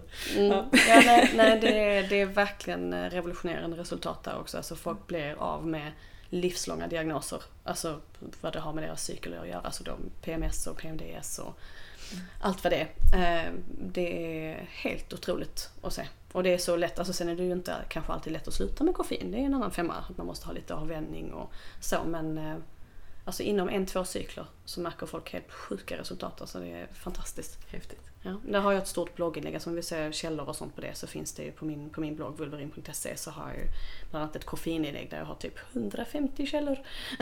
Bara för att, för att verkligen så här trycka på det att det här, alltså titta på detta, det är inte bra för kvinnor att dricka koffein. Och där är ytterligare en sån grej, kvinnor hanterar koffein mycket sämre än vad män gör. Så att om man pratar om alla de här bulletproof coffee och, och alltså det är ytterligare en sån grej som blev pushad på alla. Men jag hade, jag hade faktiskt en väninna, det bör, lite det här med koffeinet började för mig, jag hade redan börjat tänka lite på det alltså, sen tidigare men jag hade inte börjat liksom, ta in det i min praktik men det var någonting jag gick och grunnade på. Eh, för att jag själv märker hur jag blir av koffein och så hade jag en väninna som gick in på hela, alltså det var, det var liksom bara kaffe och grädde och råa ägg varje morgon liksom i en mixer. Eh, och det drack hon under ett tag och sen så inom fyra månader så hade hon fått en 15 cm cysta som var tvungen att opereras bort. Eh, och hon reflekterade säkert inte över detta lika mycket som jag gjorde. Men det gör jag ju alltid om jag har kvinnor i min närhet eller vänner som, som lider av någonting hormonellt. Så blir jag såhär, ah, jag visste det. För jag jag liksom, kommer ihåg att jag reagerade varje gång hon drack det där. Så tänkte jag, det här kommer inte sluta bra. Det kommer inte sluta väl. Jag vet inte riktigt hur det kommer sluta men det kommer inte bli bra. Men det blev en stor, jättestor cysta. Och då började jag ju titta på liksom, vad är det som händer där under ytan. Då kan man gå in och läsa om det i så fall. En annan sak jag tänkte på, för du sa ju det, det, det är inte lösningen att köra den här liksom, okej nu kör vi ashwagandha och det här och det här och det här och så Mm, löser vi det så. Men finns det ändå några sådana, ska vi säga, örtpreparat eller så Mm. som du, alltså är det något särskilt som du gärna och ofta använder eller återkommer till? Nej, det är lite efter, att efter person. Alltså jag har ju en örtmedicinutbildning också. Så jag har liksom hyfsat bra koll ändå på vad olika saker eh, liksom funkar för. Och där är nog inget som jag så här mm, generellt ger ut till folk. Utan det är ju just på, är det någon som behöver lugna ner sig, men då tar vi hjärtstilla. liksom, är det någon som har utbrändhet, det är klart att ashwagandha kan vara ett trevligt komplement. Liksom. Eh, just för att stötta upp, eller rosenrot eller vad man nu vill ta. Eh, och sen har du eh, högt prolaktin eller någon typ av liksom dysregulation på hypofysnivå vad det gäller dina hormoner, då kan ju alltså kyskhetsträgg, Agnus castus vitex funka, munkpeppar även kallat, barn har många namn. Eh, men då kan det ju funka eftersom det kan sänka prolaktin och sådär. Men, eh, men ingenting sånt där som är, alltså som jag bara slänger på alla. Mm. Nej. Det här vi har pratat om nu, gäller detta kvinnor i alla åldrar och i alla stadier av livet? Eller vad händer till exempel då i och efter klimakteriet när det gäller de här sakerna? Ja, alltså det här, det, det, jag tror jag ska försöka hålla mig ganska kort, annars så kommer vi ta tre timmar till på bara det. Men, men så här, när du inte längre menstruerar eh, och dina könshormoner ligger lägre, därför att när du går in i klimakteriet så ska dina binjurar ta över liksom, mestadels av den lilla könshormonproduktion du kommer ha kvar, så ligger du på en låg, lite mer jämnare nivå som kommer från binjurar och DHEA och så vidare, och så konverteras det därifrån. Medan då äggstockarna har avvecklat verksamheten så att säga. Eh, och då har du ju som sagt lägre nivå av allting, så då kan du, är du menopausal så, så, så är det ju en liten annan femma. Och då tänker jag främst också på blödning. Där är ju någonting väldigt intressant när man tänker på hjärn och hjärnhantering. Och något som jag kanske kände att Morley Robbins och så, där är många av de här alltså, mm, hotshot läkare över hela världen, även på den funktionsmedicinska sidan, som, där man känner att du har inte riktigt, igen, du tar inte riktigt med det kvinnliga perspektivet alltid. Eh, därför att vår hjärnhantering är ju ganska annorlunda från en mans eftersom vi menstruerar. Och den hjärnhanteringen förändras ju ytterligare då när vi slutar menstruera. Eh, och där finns ju många teorier kring eh, alltså varför kvinnor då efter, efter menopausen har större risk för stroke och hjärtattack och så. Att det kanske har att göra någonting med just lagringen av järn. Och att den då förändras när vi inte längre blöder ut varje månad, då är det en annan femma. Eh, och där kan jag tycka, till exempel tar så här, för, män så funkar ju vegetarianism och, veg och veganism mycket bättre och längre än vad det gör för kvinnor. Just för att de inte, alltså de har en annan järnlagringsprocess och mycket annat också förstås, men, men det är en av faktorerna. Där vi då istället blöder ut varje månad och obviously, jag brukar säga blood in, blood out. Man kan behöva liksom äta lite blodmat för att täcka upp den där. Vilket man kanske inte behöver. Jag hade kunnat tänka mig att bli vegetarian efter menopausen utan problem. Det kanske är mycket mer optimalt då för att kunna hantera, alltså om det är särskilt klimakteriet också där du ofta får en östrogendominans, då kanske det är ännu viktigare att du kan rensa ut den ordentligt. Det behövs mycket fiber, det behövs mycket eh, korsblommiga grönsaker och allt vad det kan vara. Eh, men sen då efter menopausen att ja men blöder du inte längre så måste du ta en annan approach. Eh, och då kan du kanske inte fortsätta äta kött på det sättet jag äter kött idag. Eh, så att nej, allting är inte likadant, det är det absolut inte. Eh, och där känner jag också som sagt att det är mycket av forskning och så som ibland när det står att oh, men det här är bra för kvinnor så är egentligen urvalsgruppen 15 menopausala kvinnor. Mm. Men, men, men jag hittar liksom inte några studier på eller verkligen once in a blue moon, när man hittar en studie som verkligen är gjord på kvinnor i fertil ålder med allt vad det innebär liksom och, och att titta på psykens alla olika, olika faser. Om vi tar så här, när jag, när jag uttrycker mig i mina kanaler liksom att jag är till exempel att jag inte tycker att veganism är en jättebra idé som menstruerande kvinna som försöker ha en vettig menscykel. Så är det så här, gör vad du vill men jag skulle inte rekommendera det om du vill vara frisk och må bra i din menscykel. Eh, då kommer det ju alltid någon, alltså antingen är det någon veganivrare bara rent så personligt, jag brinner för detta, eller så är det någon dietist eller så är det någon annan som har någon åsikt om men det, vi har ju så mycket vetenskap på detta. Vi, vi, vet ju att det är så himla bra med vegetarisk diet och, och vem är du liksom att säga emot detta? Då, måste ju, då ligger ju bevisbördan på, på dig då, alltså på mig Jenny, att jag måste, jag måste bevisa varför kvinnor skulle behöva äta kött eller varför det inte funkar med vegansk diet. Och då känner jag så här, mm, Okej, okay, för det första, jag sitter ju och jobbar med specifikt detta. Jag har en enorm erfarenhet med just att gå in på djupet och titta på hur då menscykeln speglar kosthållningar över tid. Eh, och, och, jag har massor, alltså vi har ju inte bara jag utan alla mina kollegor över världen och det finns liksom tusentals vittnes, vittnesmål på hur kvinnor blir av med mens. Men det är bara att titta på, alltså du har många studier som helst på Female Athlete eh, Triad, alltså helt enkelt att kvinnor som löper eller kör friidrott och så vidare har förlorat mensen i alla tider. För att de får en för låg fettprocent liksom. Så att eh, då kan jag känna, varför räknas inte, alltså det som vi ser och det som jag berättar, alltså det empiriska underlaget som jag faktiskt har på att på att det här inte funkar för kvinnor. Och det de berättar, varför räknas inte det som vetenskap? Det är det första. Och om du då i din position som legitimerad någonting, du har liksom en vit rock och en liten namnskylt och det står legitimerad kostrådgivare, dietist, whatever. Eller om du bara förespråkar veganism eller vad du nu gör. Om du då liksom vill, vill lyfta fram att ja men eh, det här är visst och jättebra för att kolla så mycket underlag vi har. Varför har inte du då krävt studier eh, från din överordnade eller liksom den ideologin du står för eller den kosten du förespråkar och säljer eller så, rekommenderar i din roll. Eh, varför den funkar för kvinnor. Jag vill ha underlaget, visa mig underlaget på varför det är optimalt för kvinnor att äta en vegansk kost. Med studier som verkligen specifikt går in på just kvinnor i det här åldersspannet, alltså där de är i sina fertila år så att säga, oavsett om de vill bli barn eller inte. Att du tittar på ja, men hur mycket fertilt sekret har vi, hur lång lutealfas har vi, hur gick ägglossningen, eh, hur höga progesteronnivåer får vi, har vi någon PMS, hur blir blödningen, har de mensvärk och så vidare, och så vidare, och så vidare. Kan de bli med barn? Alltså den typen av studier hade ju varit trevligt. Och den finns inte. Och jag tycker det är så himla lustigt när man så ska be mig om källa. när Jag säger, men jag, alltså mitt underlag, dels så finns det källor gott och väl liksom på, på till exempel vad som händer med kvinnor om de springer för mycket eller, vad det kan, eller om man har för lite kolesterol. Men, eh, men, men även då liksom jag har ett empiriskt underlag i form av tusentals kvinnors röster. Varför räknas inte de nog? Och om man då kommer från andra hållet och vill förespråka någonting, varför är man själv inte intresserad av att se till att de här studierna finns? För de finns ju inte! Och det är, det är ett jättelustigt förfarande. Att jag har källa på det. Ja men men exakt. Om inte du har kunnat hitta en källa på det och du är den som står här och säljer den här kosten. Jag säger inte till folk exakt vad de ska äta. Jag säger inte till folk att de ska äta så många gram protein i veckan eller vad det nu är och att det måste vara kött så och så ofta. Jag säger i generella drag så märker jag att det här verkar funka bäst. Och det märker jag ur min, alltså jag har spetskompetens i precis detta. Om du inte kan visa mig studier på varför din kosthållning eller den du förespråkar då är optimal för just kvinnor, då känner jag lite att jag rycker på axlarna. Och, och, och det kanske är ett större problem att de studierna inte finns, än att jag inte kan ge dem till dig. Förstår du vad jag menar? Så jag blir liksom bara så här, eh, det, det, det, är en fantastiskt eh, liksom, eh, märklig inställning som, som någonstans under, under lagen också är ganska misogyn. För att kvinnors röster räknas inte, kvinnors kroppar räknas inte. Varför är det inte ett problem att vi inte har den här forskningen istället för att det ska vara ett problem att jag säger att ja, jag märker att folk mår bättre när de äter lite kött ibland. Så är det så himla farligt liksom? De behöver inte göra det. Jag är inte, jag är inte Livsmedelsverket, jag har inte krävt att de ska äta någonting. Ja, men ta det lugnt liksom, ät vad du vill. Det här är vad jag ser. En sak som jag har börjat göra det är att ställa frågan när i cykeln till allt och alla. Mm. För att när vi, jag jobbar mycket med hälsotester och de som då är experter på ett visst hälsotest så säger jag, jaha, när i cykeln ska detta testet göras? Uh, mm. Det vet vi inte, har vi inte tittat på.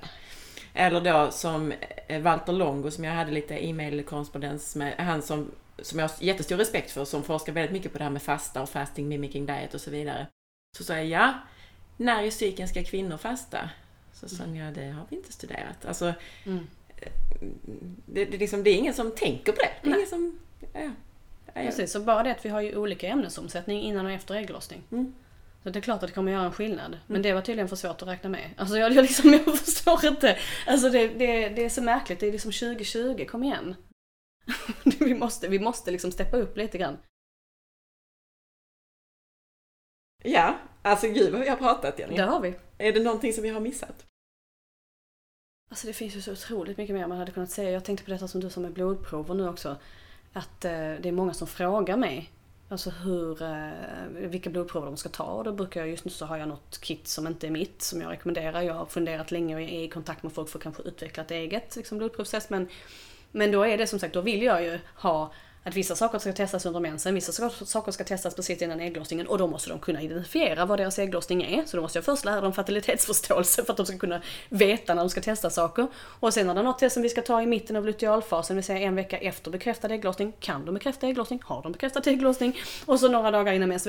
Och det, och det är otroligt komplext. Och folk säger, men vill du ha lite prov på estradiol och progesteron? Och jag bara så nej, jag vill inte ha dina provpass för det kommer vara fel. Mm. För du vet inte hur din cykel funkar, alltså ingen skam så liksom, men det, det gör inte majoriteten kvinnor har inte koll på sin cykel. Och det har verkligen inte din läkare heller. Mm. Och du hade de, velat ha det typ så här, sex dagar efter ägglossning eller något? Ja, ja men precis. Mm. Jag hade ju velat ha liksom flera och relationen däremellan och så vidare. Och det, och det är alldeles för komplext. Jag, är så här, jag vill bara se din sköldkörtel mm. och jag vill se din näringsstatus. Därför att det kommer att ge mig mer än att jag ska ha något random prov på vad ditt östradiol låg på. Men ibland har vi till exempel Alltså eh, eh, kvinnor som kommer in och säger ja men jag behöver en tid för att jag har sån hemsk östrogen eller eh, progesteronbrist. Fruktansvärd progesteronbrist. De är helt förtvivlade liksom. Hur ska jag, hur ska jag göra med detta? Och så, så tittar jag, ja, när i cykeln? Frågar man. Och så, när tog du det här blodprovet? Ja, på dag nio, innan ägglossning. men hur mycket progesteron kommer du ha på dag nio innan ägglossning? Nej, du har, och då har deras läkare liksom sagt till dem att de har progesteronbrist och skrivit ut, inte då progesteron förstås, för det skriver de inte ut, utan skrivit ut gestagen till dem som de ska ta för att de har progesteronbrist. Alltså okunskapen är liksom så rampant så att jag liksom bara tar mig för pannan 14 gånger om dagen liksom. Men det, det, det är spännande. Jag hoppas att vi kommer dit någon dag. Men vi får väl vänta typ 15-20 år till innan det tar sig. Jenny, tusen tusen tack för all den här fantastiska informationen. Var hittar man dig? Eh, främst på min hemsida vulverin.se, alltså vulverine. Det var jättekul att bolagsregistrera det namnet kan jag säga. Eh, de skrattade nog gott på Bolagsverket. Eh, nej men vulverin.se och sen så är det ju min Insta som är Vulverin Kos, alltså Wolverine eh, Kos, K-O-O-S. Eh, så det är de där jag är mest aktiv. Sen har jag en Facebook-sida också som har varit igång i många, många år där jag har samlat länkar och lagt upp saker sedan 2015 ungefär som heter bara vulverin helt enkelt på Facebook. Eh, och det är där jag tar ju privata klienter men det, det är inte så att det finns särskilt mycket tider utan jag lägger upp med jämna mellanrum och så får man satsa på att hitta en tid då om man vill ha personlig rådgivning. Och så tar jag också klienter för justismetoden. Jag lär ut justismetoden som Disa pratade om i ett tidigare avsnitt antar jag.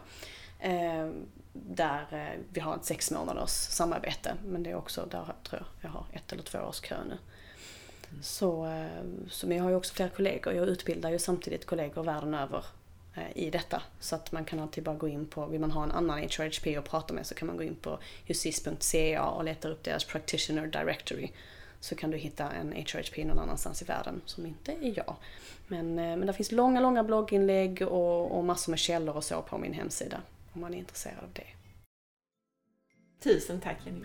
Tack själv.